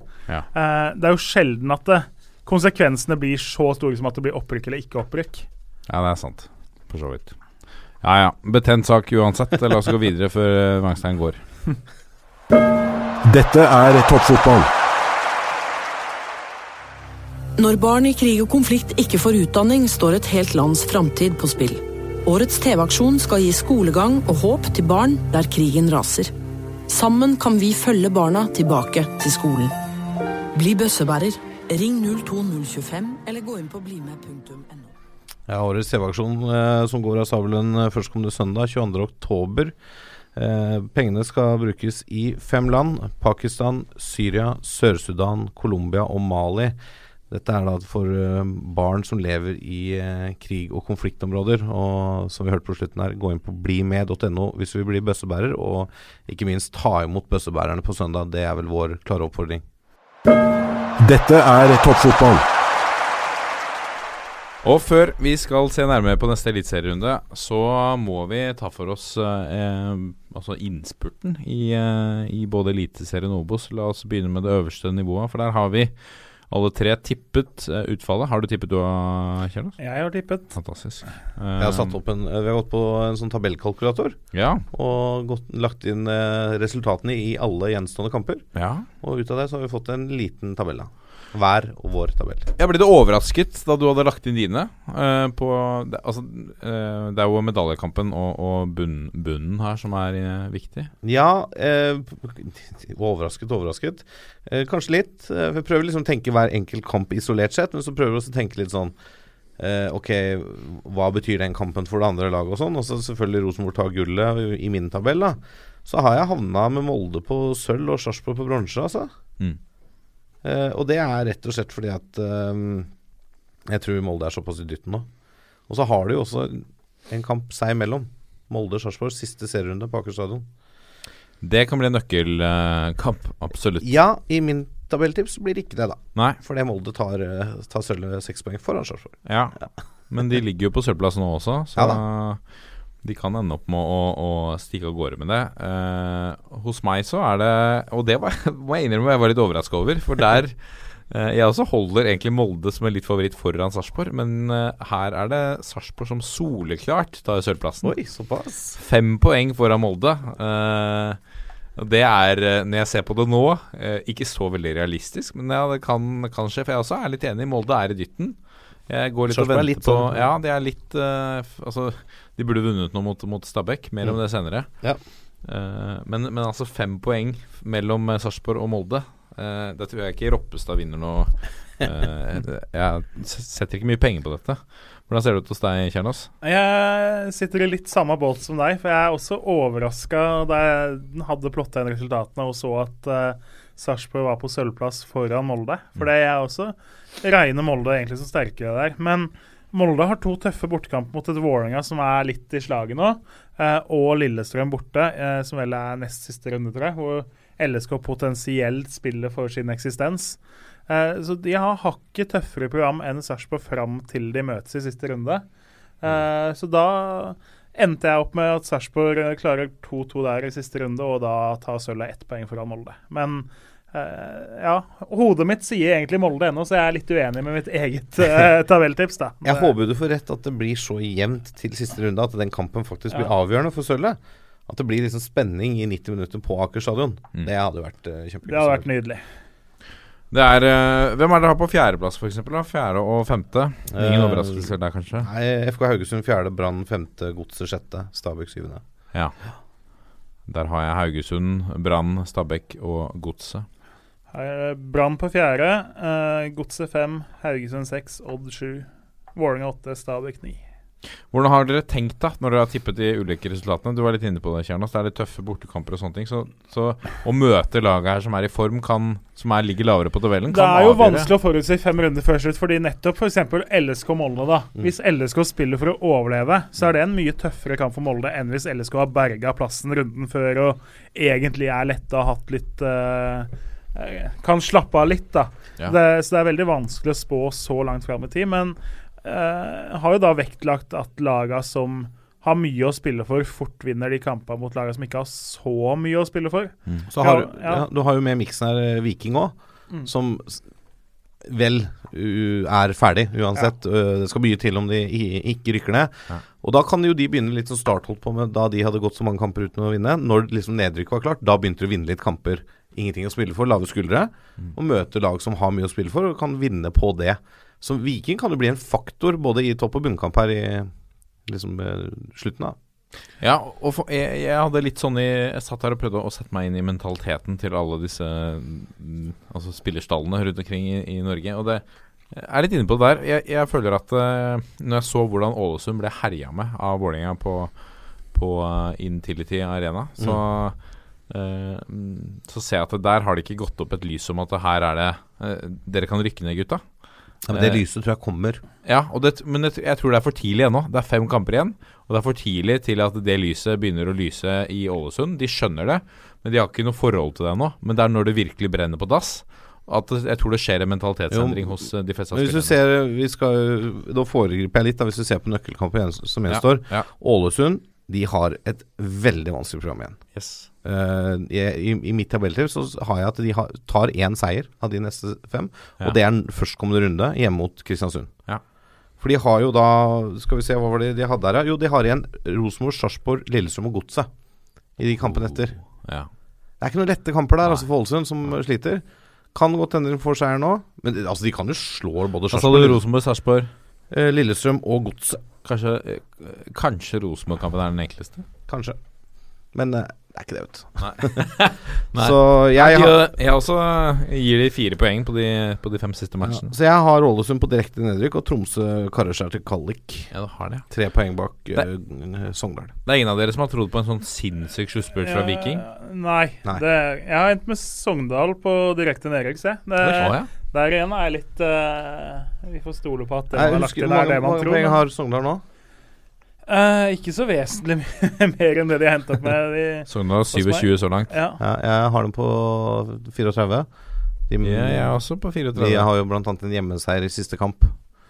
Og de er Mot vant Vålinga. til å holde seg. Mm. Ja. Nei, jeg har de rett bak De er bak Ålesund og Kristiansund på målforskjell, alle på 31, da. Okay. Ja, Så uh, Jeg vil er heller se, se slutten din enn min. Ja. Min er jo ikke spennende i det hele tatt. Nei, det er lov å håpe det, for her skiller det da tre mål fra sikker plass til direkte nedrykk, sånn som jeg endte opp på. Så det, jeg går for den. Nydelig. Jeg har Ålesund på kvalik.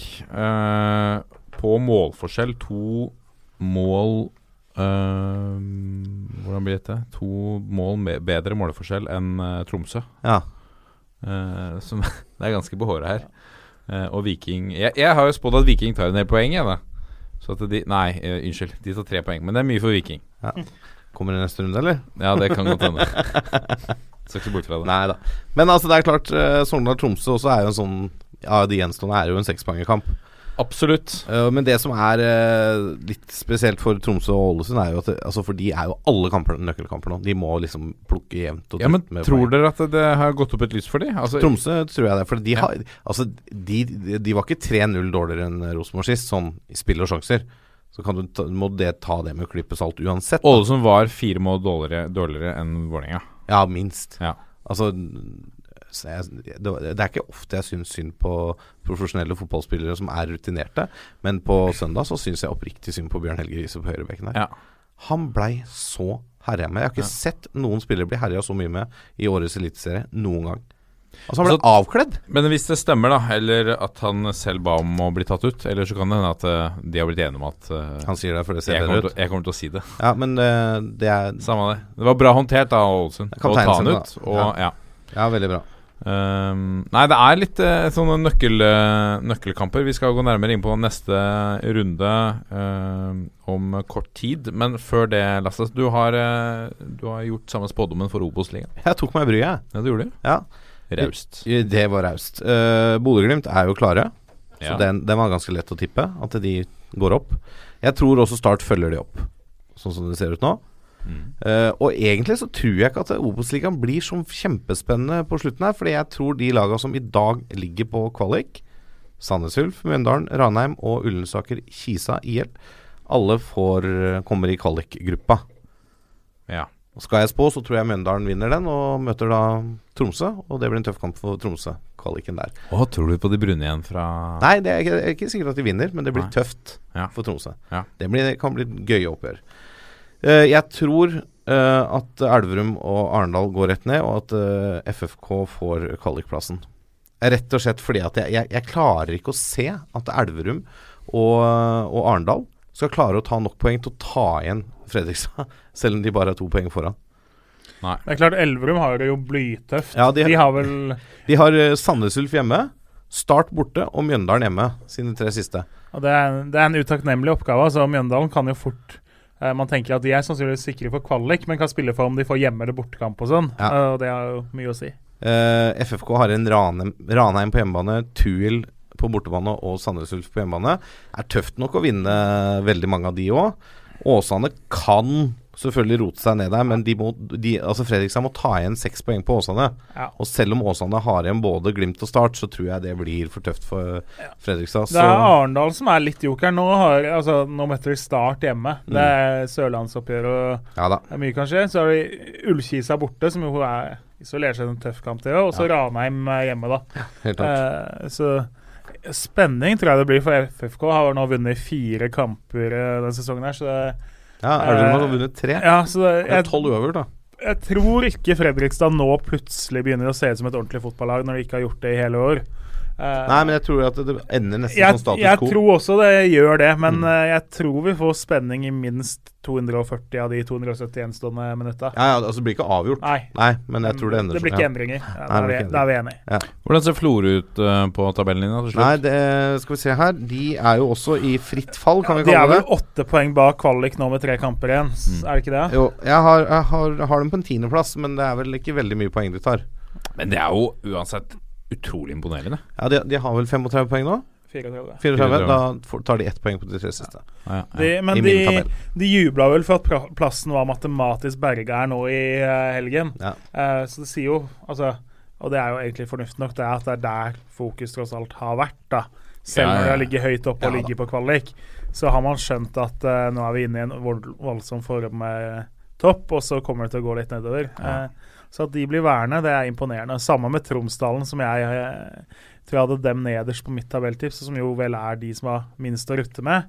Og egentlig med unntak av en keeper kun har spillere fra Nord-Norge i stallen. Eh, imponerende av begge de klubba at de berger plassen og langt foran f.eks. Fredrikstad. Ja, og en klubb som Florø akkurat nå har ikke noe i en, eh, i en eliteserie å gjøre. Så da tror jeg Da er jeg redd for at det eventyret der blir litt ødelagt. At det blir litt sånn eh, For det kommer til å bli så beintøft, og det kommer til å Der blir det et mye større pengefokus og Ja, For å gjøre som Kristiansund har gjort, da bygge litt over tid, være Ja. litt oppe der og, Ja. i flere sesonger på rad, og så for å gå opp om en tre, fire, fem år.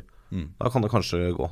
Ja. Men da kan det hende at de må gjøre det på bekostning av f.eks. Sogndal, da, som for lokal. Altså, det er ikke sikkert at det den, det litt uh, utvida omegn der tåler to eliteserielag, da. Det, det vet jeg ikke. Det er godt poeng. Men Det er et spennende bekjentskap, Florø. Men vi har jo snakket om de lenge før uh, årets sesong. Ja da, vi har vært Vi har vært på. Ja. Vi har vært på. Det først i toppfotball. Men vi må jo, når vi er innom første divisjon, snakke om uh, litt om Ullensak i Kisa òg. Ja. spesielt med tanke på Niklas Sandberg. Det, og hva var det han brukte Tre og et halvt minutt? Tre minutter og 27 sekunder eller noe sånt. Nå, skåre hat hat trick. Og da hadde han jo skåra ett mål tidligere i kampen òg. Fikk aldri sjansen ordentlig i Sandnes Ulf.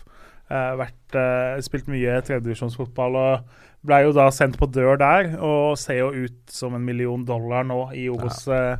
Nå er jo Ødemarksbakken allerede LSK klar. Eh, Sandberg var jo ønska i Haugesund bl.a. i sommer. Det eh, overrasker vel eh, ikke hvis han står på blokka til veldig mange eliteserieklubber eh, i vinter. Altså Midtbanespiller som scorer bra med mål, det er jo ikke eh, Det er litt mangelvare, da. Ja. Eh, men han er også en sånn der typisk eh, Kall det litt late bloomer, da. Ikke sant? Må kanskje gå noen omveier før du slår deg inn eh, Vi hadde jo besøk av Megalvis. Ja, som er litt samme typen. Går litt omveier, og så plutselig kommer du kanskje litt seinere alder enn du hadde håpa og trodd, Mm. men du får det til, og så plutselig er du eliteseriespiller. Jeg er helt enig, han bør stå på blokka på flere klubber enn på Åråsen eller i Haugesund. Ja. Det er en spennende innspurt også i Obos-ligaen. Mens vi snakker om det, så eh, må vi ta med et spørsmål som vi har fått fra Eirik Jørgensen på toppfotball.451.no. Send oss gjerne e-post, eh, dere andre også. Eh, Eirik sier hei, gutter. Takk for en fin og interessant podkast om norsk fotball. Fortsett sånn. Et spørsmål. Hvem tror dere tar over Start etter sparkingen av Steinar Pedersen? Claudio Ranieri. Bra. Neida. Du er fotballekspert, du. Ja, nei, altså Han eh, Ja, hvorfor ikke? Det er så mye penger der nede nå. Ja, men Carlsen har jo han på speed dial. Det, å ja, du sikter til Han ansatte jo han i Monaco. Ja. Nettopp. Ja. Det sikter jeg til. Tror dere at det kommer et utenlandsnavn? Ja. Ja. Å ja, det var klar tale. Rett og slett fordi det er litt sånn altså Når man sparker en trener som En lokal ligger på En lokal trener til og med som har ført laget til opprykksplass, da legger du litt i kortet at nå må vi komme med et eller annet ordentlig pang for at uh, vi sk- helt skal kunne forsvare det òg. Det er så Tom, da. Nordli. får de ikke, får de ikke land... Retur i Kristiansand. Kristiansand. Han er fortsatt elska der nede. Ja, det tror jeg. Uh, men går han uh, Går han og Tor Christian Carlsen godt sammen? Jeg vet ikke. Vet ikke. Ja, jeg ikke. Men eh, jeg tror at vi får et utenlandsnavn som ikke nødvendigvis er godt kjent blant eh, den vanlige fotballinteresserte i Norge, kanskje.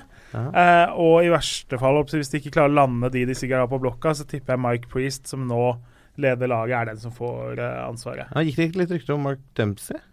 Det gikk riktig om at de ønska seg det, men nå, om han vil det hvem, Ja. altså Det ville vært glimrende for dem, men det, eh, han var vel nevnt litt i denne IFK Göteborg-kabalen også, Ja. så det Men det hadde vært veldig gøy om det var Tom Nore som, eh, som Det var kjempegøy. Å få han tilbake igjen i Ja. toppen. Det har ve- veldig. Det vært fantastisk. Jeg hadde elska det. Men uh, bare når vi er inne på start, Ja. kan jeg få lov? Nei, det, er- ingen her som har lov til å uttale seg. Nettopp. Om? Om start. Altså, når du som en klubb i Obos-ligaen, Ja. andre nivå i Norge, nekter spillerne dine å snakke med pressen før kamp, og treneren din Ja. ja. Ditt medieforbud! Ja. Faen meg, Det er det dummeste jeg har hørt! Må du skjerpe seg der nede, altså. Altså, vi, vi, har, vi trenger den oppmerksomheten vi kan få i norsk fotball. Ja. på positive ting. Og så skal du liksom skjerme Ok, nå vant de 4-2, da, så kan du si at det var greit, men å skjerme spillerne for å snakke to minutter med pressen på siste trening før kamp, eller før kampen, det er bare Carlsen som kan uttale seg. Du jeg syns det er så latterlig at vi skal tro at vi er noe større enn vi er i det potetlandet vårt, altså. Å skjerpe seg. Sånn, takk. Jeg tenker ja. Det var dagens tirade, signert Lasse sier som. Kasper Wikestad i PL-podden, det er godt å få det liksom ut. De kommer Ja. tilbake i, eh, i liksom harmoni når jeg får, får av Det må jo være oppskriften på å gjøre en kamp liksom større og mer alvorlig og alt sånn enn det den trenger å være. da. Eh, og så samme som du sier, nå vant jo, så det er alltid vanskelig å kritisere. Men starta da forrige onsdag etter fem dager fri eller noe, med en beinhard intervalløkt hvor de løp i 90 minutter og folk lå i fosterstilling etterpå. Eh, uten å Altså, det er vel enkelte Twitter-fysiske trenere fra Nederland som kanskje hadde slengt noen kommentarer der, i hvert fall.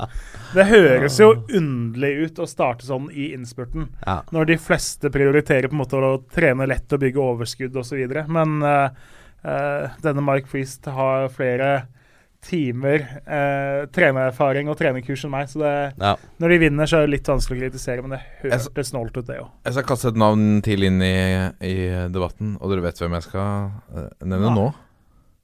Luis Pimenta. Selvfølgelig. Luis Pimenta. Han er ledig. Ja. Han bor i Norge. Han eh, engasjerer seg fortsatt i norsk fotball på, på Twitter. Mm. Hvorfor er det ingen som, eh, som signerer han? Er han eh, har, man, har han et litt frynsete rykte etter at han har krangla litt og, eh, og sånn, eller er det Han er ikke Han er ikke nok inne i den norske boksen, tror jeg. Nei? Ok. Ja, altså Er han for unorsk for oss, liksom? Ja, jeg tror det. Så man vet ikke hva man får, da? Og så er det veldig mange klubber som har Altså Bortsett fra starten, som da sparker trenere du, som ligger an til opprykk, liksom. Ja. Det er jo det er vel bare Rosenborg som har gjort det for å sparke en trener som tok dem til seriegull, liksom. Det er på det nivået der.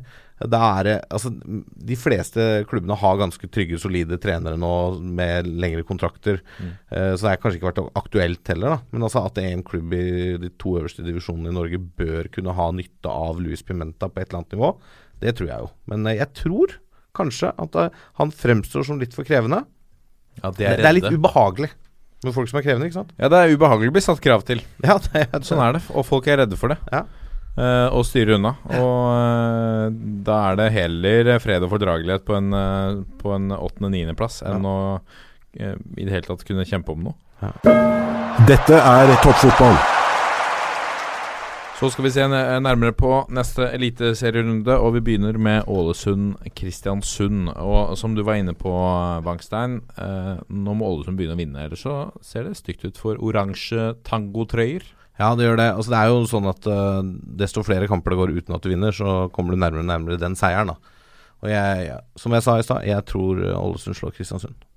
Ja, du tror det? At Ja. de får en, eh, en effekt nå, en, en revansje etter Ja, å ha blitt eid? når du blir så De pissa på Ja, de ble pissa på, rett og slett. så, så er det noe som Altså, det er fotballspillere med vinnerskaller her. Det, det gjør noe med deg. Det, det kommer til å ose revansjelyst av alle. Så det Ja.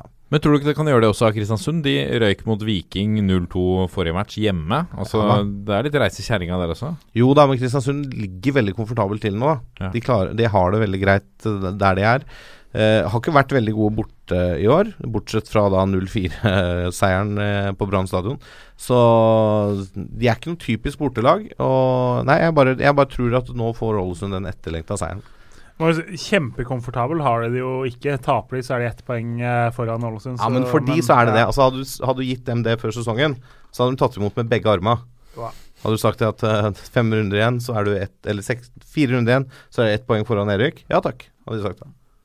Ja, eh, Kristiansund mangler uansett eh, Alio eh, Koli, som er suspendert. Um, eh, og uh, står nå Altså, de gikk på et tap nå etter, etter å ha gått uh, fire kamper uten, uten tap. Så de var inne i en, en god steam, så sånn sett så gikk den, den kampen mot Viking gikk litt, litt imot formen til kristiansunderne. Men kanskje første gang hvor Kristiansund har vært litt favoritt, da.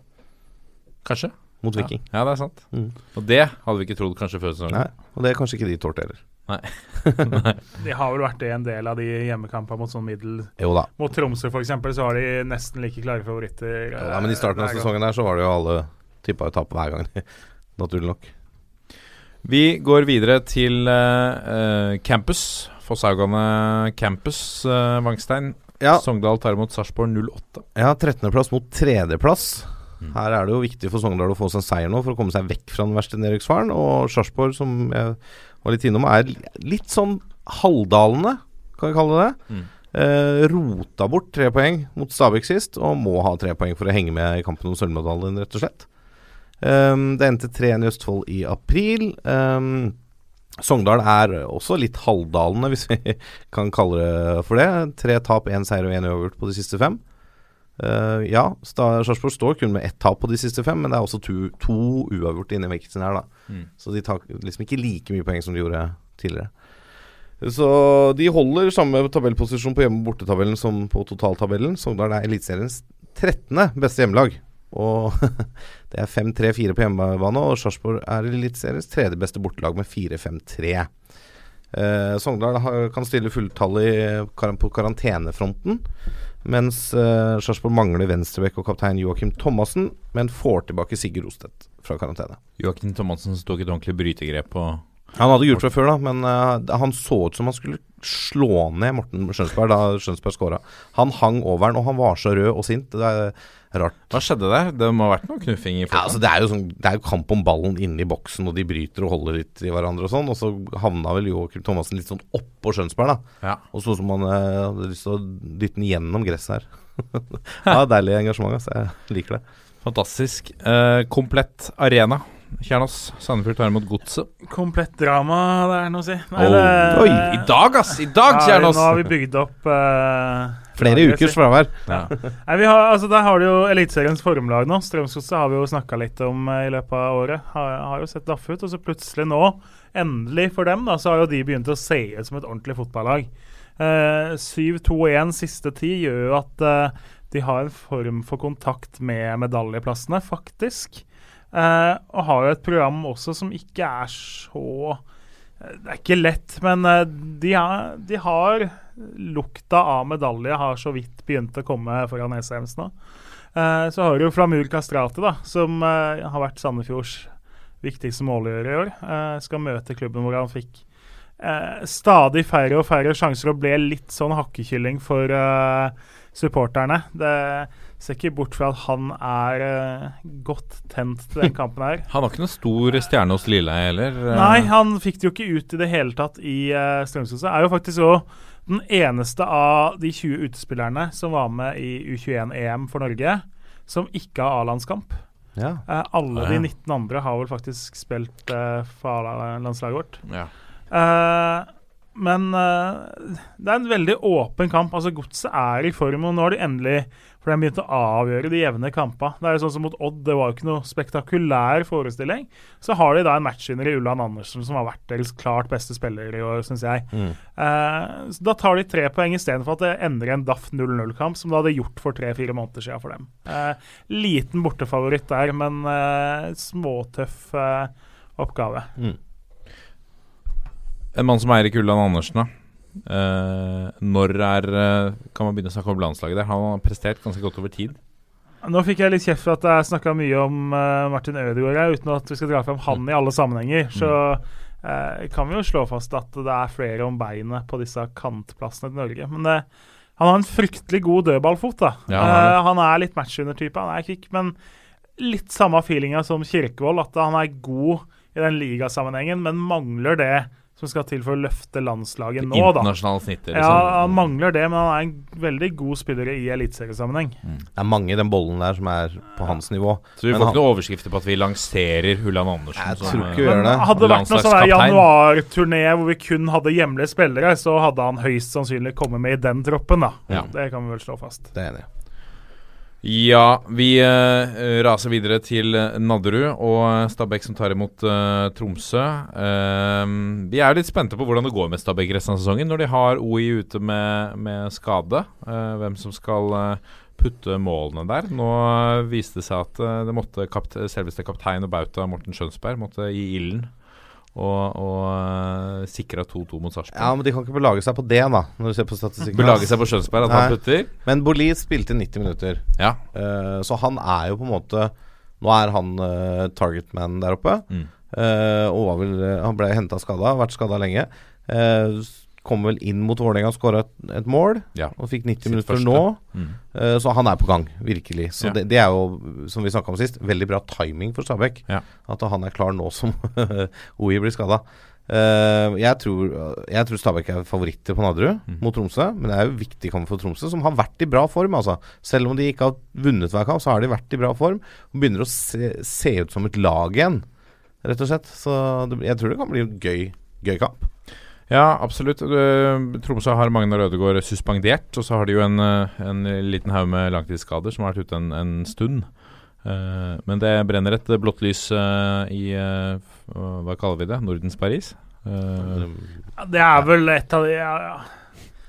Vi trenger vel kanskje ikke snakke om det, men det er vel ikke Jeg, jeg har aldri skjønt hva, hva er det som gjør Tromsø til er en veldig fin by, da. Paris, liksom. Det er, det er et genialt slagord, da. Men uh, det blir jo litt sånn som å kalle uh, mitt Årvoll for uh, Norges Barcelona. Det, det er jo dødscatchy navn. Vel, vel, men, uh, ja, men det er jo ikke noe altså, hvorfor, hvorfor er en Tromsø Ja, Nordens Bergen, Paris? da. Bergen er Norges er ikke- Barcelona. Jeg er, ikke en, jeg er ikke en idiot hvis jeg sier at Tromsø er nærmere Paris enn Årvoll er Barcelona.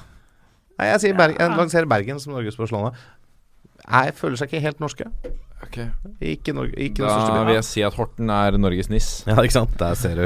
Videre til eh, øh, Viking, eh, som tar, tar imot uh, Vålerenga. Ja. Eh, er dette en litt sånn typi, et typisk oppgjør hvor Viking, Viking tar seieren, eller? Ja, det kan være, vet du. Mm. For Vålerenga er jo litt sånn Og de vant stort i forrige match, og Ja, det og det er ikke bra. Så, Det altså, er det er bare å spørre Arne Skei om. Ja.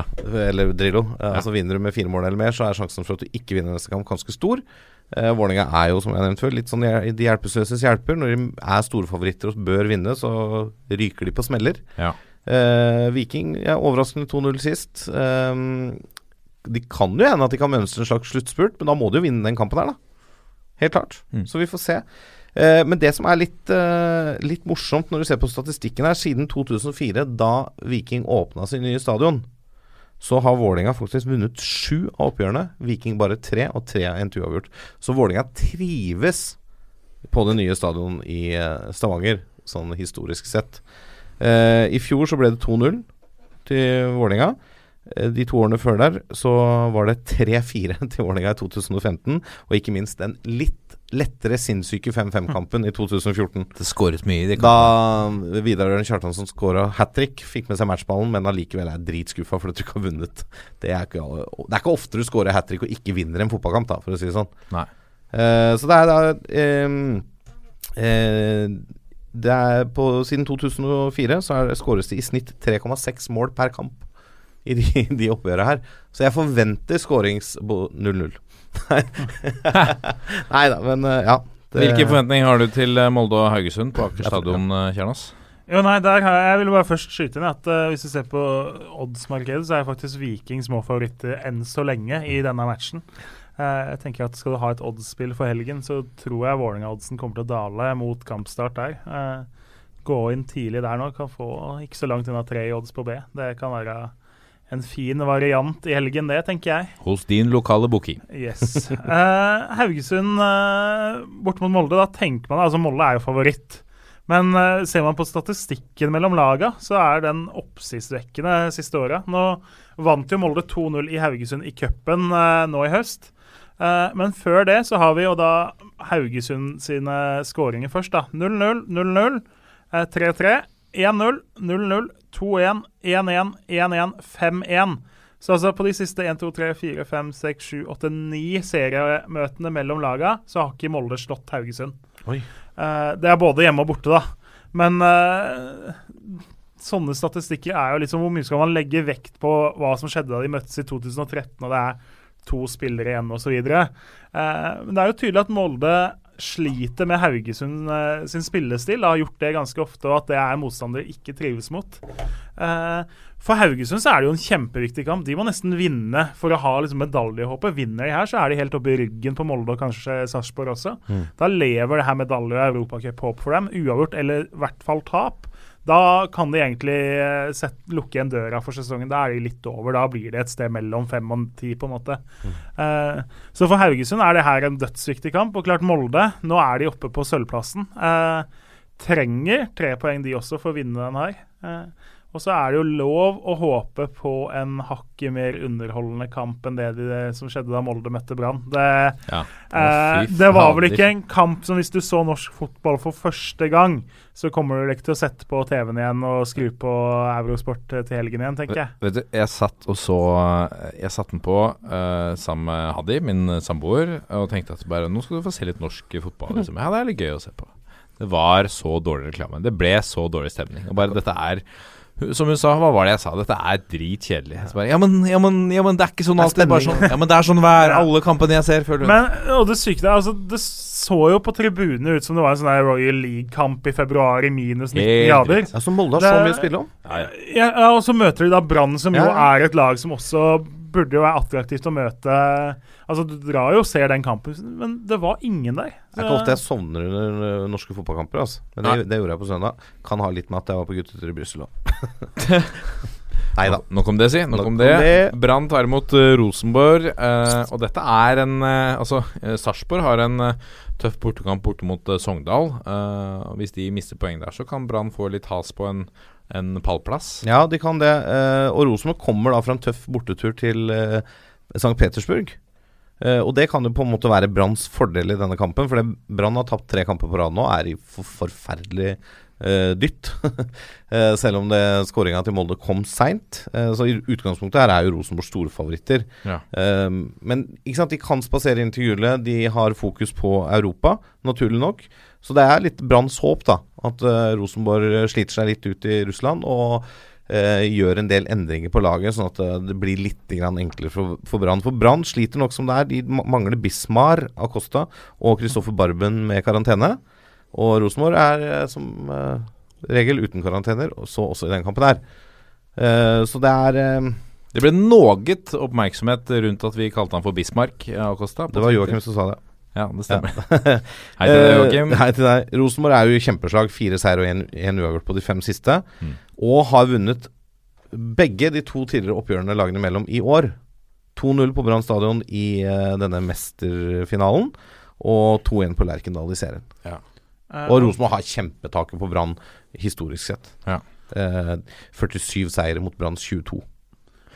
Og så må det jo også skytes inn at skulle Haugesund eh, faktisk vinne i eh, Molde, og uh, Sarpsborg ikke vinner i Sogndal, Mm. så blir jo Rosenborg vel seriemester om de vinner sin kamp i Bergen. Ja. Så Rosenborg kan faktisk løfte Eller de får ikke løfte trofeet nå, men de kan bli matematisk klare som seriemestere klokka ti eh, på søndag. Og det bør vel være motivasjon nok for bergenserne å unngå at eh, Rosenborg tar seieren i land Ja, i det Bergen har de jo opplevd eh, et par ganger før. Mm. Eh, de Og det sitter jo- langt inne, altså. Ja, 2001 fikk de jo oppleve det i siste runde. Eh, Også her i 2000, da, 2007, var det da? da? Da var det jo ikke helt som Da lå det jo helt likt, og Rosenborg vant seriefinalen der. Ja, ja. Tredje siste runde. Så. Vi må ta runden siste kamp, som er mandagskampen eh, klokken syv eh, mellom Odd og Lillestrøm på Skagerrak Arena Kjernås. Der har vi en, eh, en trener som fortsatt er på oppsigelse, på en eller annen slags måte. Uten, De har vel ikke blitt enige, har de det? Fagermo? Ja. Ja, nei, Det var jo litt overraskende. på en måte. Man tenker at han er litt sånn Wenger, at han er der alltid, på en måte. Ja. Det skjer jo ikke noe der. Men så har han jo Det han sier i de intervjuene, er jo egentlig at han er litt lei av samme tralten og kanskje kunne trengt litt forandring etter hvert, han òg.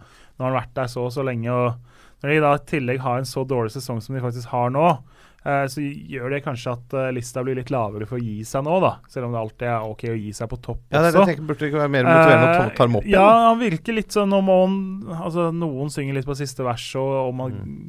orker å bygge et nytt lag med eh, Igjen, da. Det, det er jo Det er jo ikke den mest spennende kampen en runde, er det lov å si? Eh, Orker, orker Fagermo å bygge et nytt lag med lokale unggutter fra Senegal og Canada. og Canada? ja. Nei, det, men jeg syns, der må jeg si at jeg syns det er artig å tøyse med det, men altså Odd er blant de aller, be Ja, aller beste, om ikke de beste på lokale. Og så er det så klart at du får aldri sånn som at RBK spiller med ni trøndere og slår Milan igjen. Det skjer jo ikke igjen.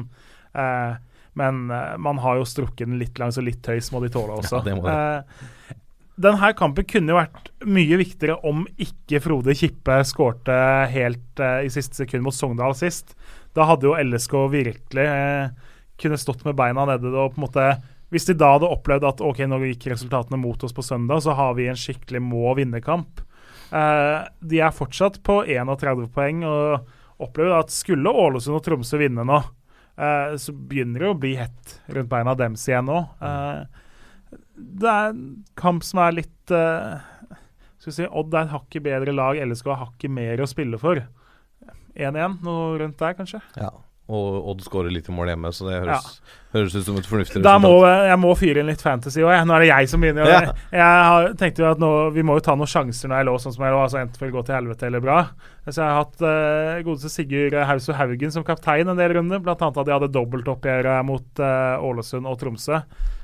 Kan han slutte å brenne svære sjanser? Og kan folk slutte å brenne straffer som han eh, skaffer? Og det, det var ikke noe flyt med det. Det var, det var en god tanke, for han har valgt om sånn 0,4% av folket, liksom. Men, eh, og spiller da spiss for et ganske godt lag. Men det funka ikke. Bårdsen er uh, ca. samme poengsum som Nei da, det er langt bak nå. Å, ja. runden var bra nå. Jeg, stod, jeg putta inn Liban Abdi og Ejuke på laget siden de hadde dobbel runde. Tenkte ok, hvem av, de, hvem av de skal jeg velge som kaptein? Det ble jo Liban Abdi, selvsagt. Så det var vel 30 poeng som forsvant på det valget eller noe. Ja. Jeg tror hadde du Ejuke som kaptein, så satt du med 36 poeng. ja, stemmer. Og Abdi ble 8 poeng isteden som kaptein. Jeg så kjøpte det er åtte- Nø- Novafall, det er typisk meg. Han, men han er i form, så det Selv. tror jeg Selv. Skal vi si det er greit, eller? Ja, må være greit. Fordi i morgen så er det quiz, Vangstein. Wangstein. Ja. Eh, det vil si torsdag 19. oktober klokka syv på Pokalen. eh, Ved Vulkan. ved Vulkan ved i. Oslo. Rett ved mathallen. Kom, eh, det er gratis å komme inn. Eh, du vinner, altså det er vandrepokal og eh, til og med litt eh, børst i baren til de som eh, stikker av med seieren. Eh, ta med deg noen kompiser, uh, venninner, og meld på et lag. Eh, Vi er, vi er veldig glad for kreative lagnavn. ja, absolutt. Absolutt. Veldig glad for det. Send oss også en e-post til toppfotball at 451.no, som uh, vi har noen trofaste som gjør uh, med jevne mellomrom. Mer av det. Roppestad har uh, øvd på autografen sin. Han er klar for å signere autografer i morgen.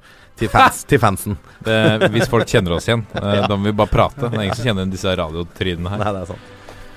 Vi er eh, Toppfotball på Facebook, Twitter og Instagram. Gå inn, lik, rate, så får vi det ut på lufta. Og send oss en mail, da. For vi har kjø- kjøpt betalt så dyrt for den jævla e-postadressen. Toppfotball at 451.no. Skal vi si det er greit, da? Det er greit. Ok, 1, 2, 3. Vi er gjeng. Ha det!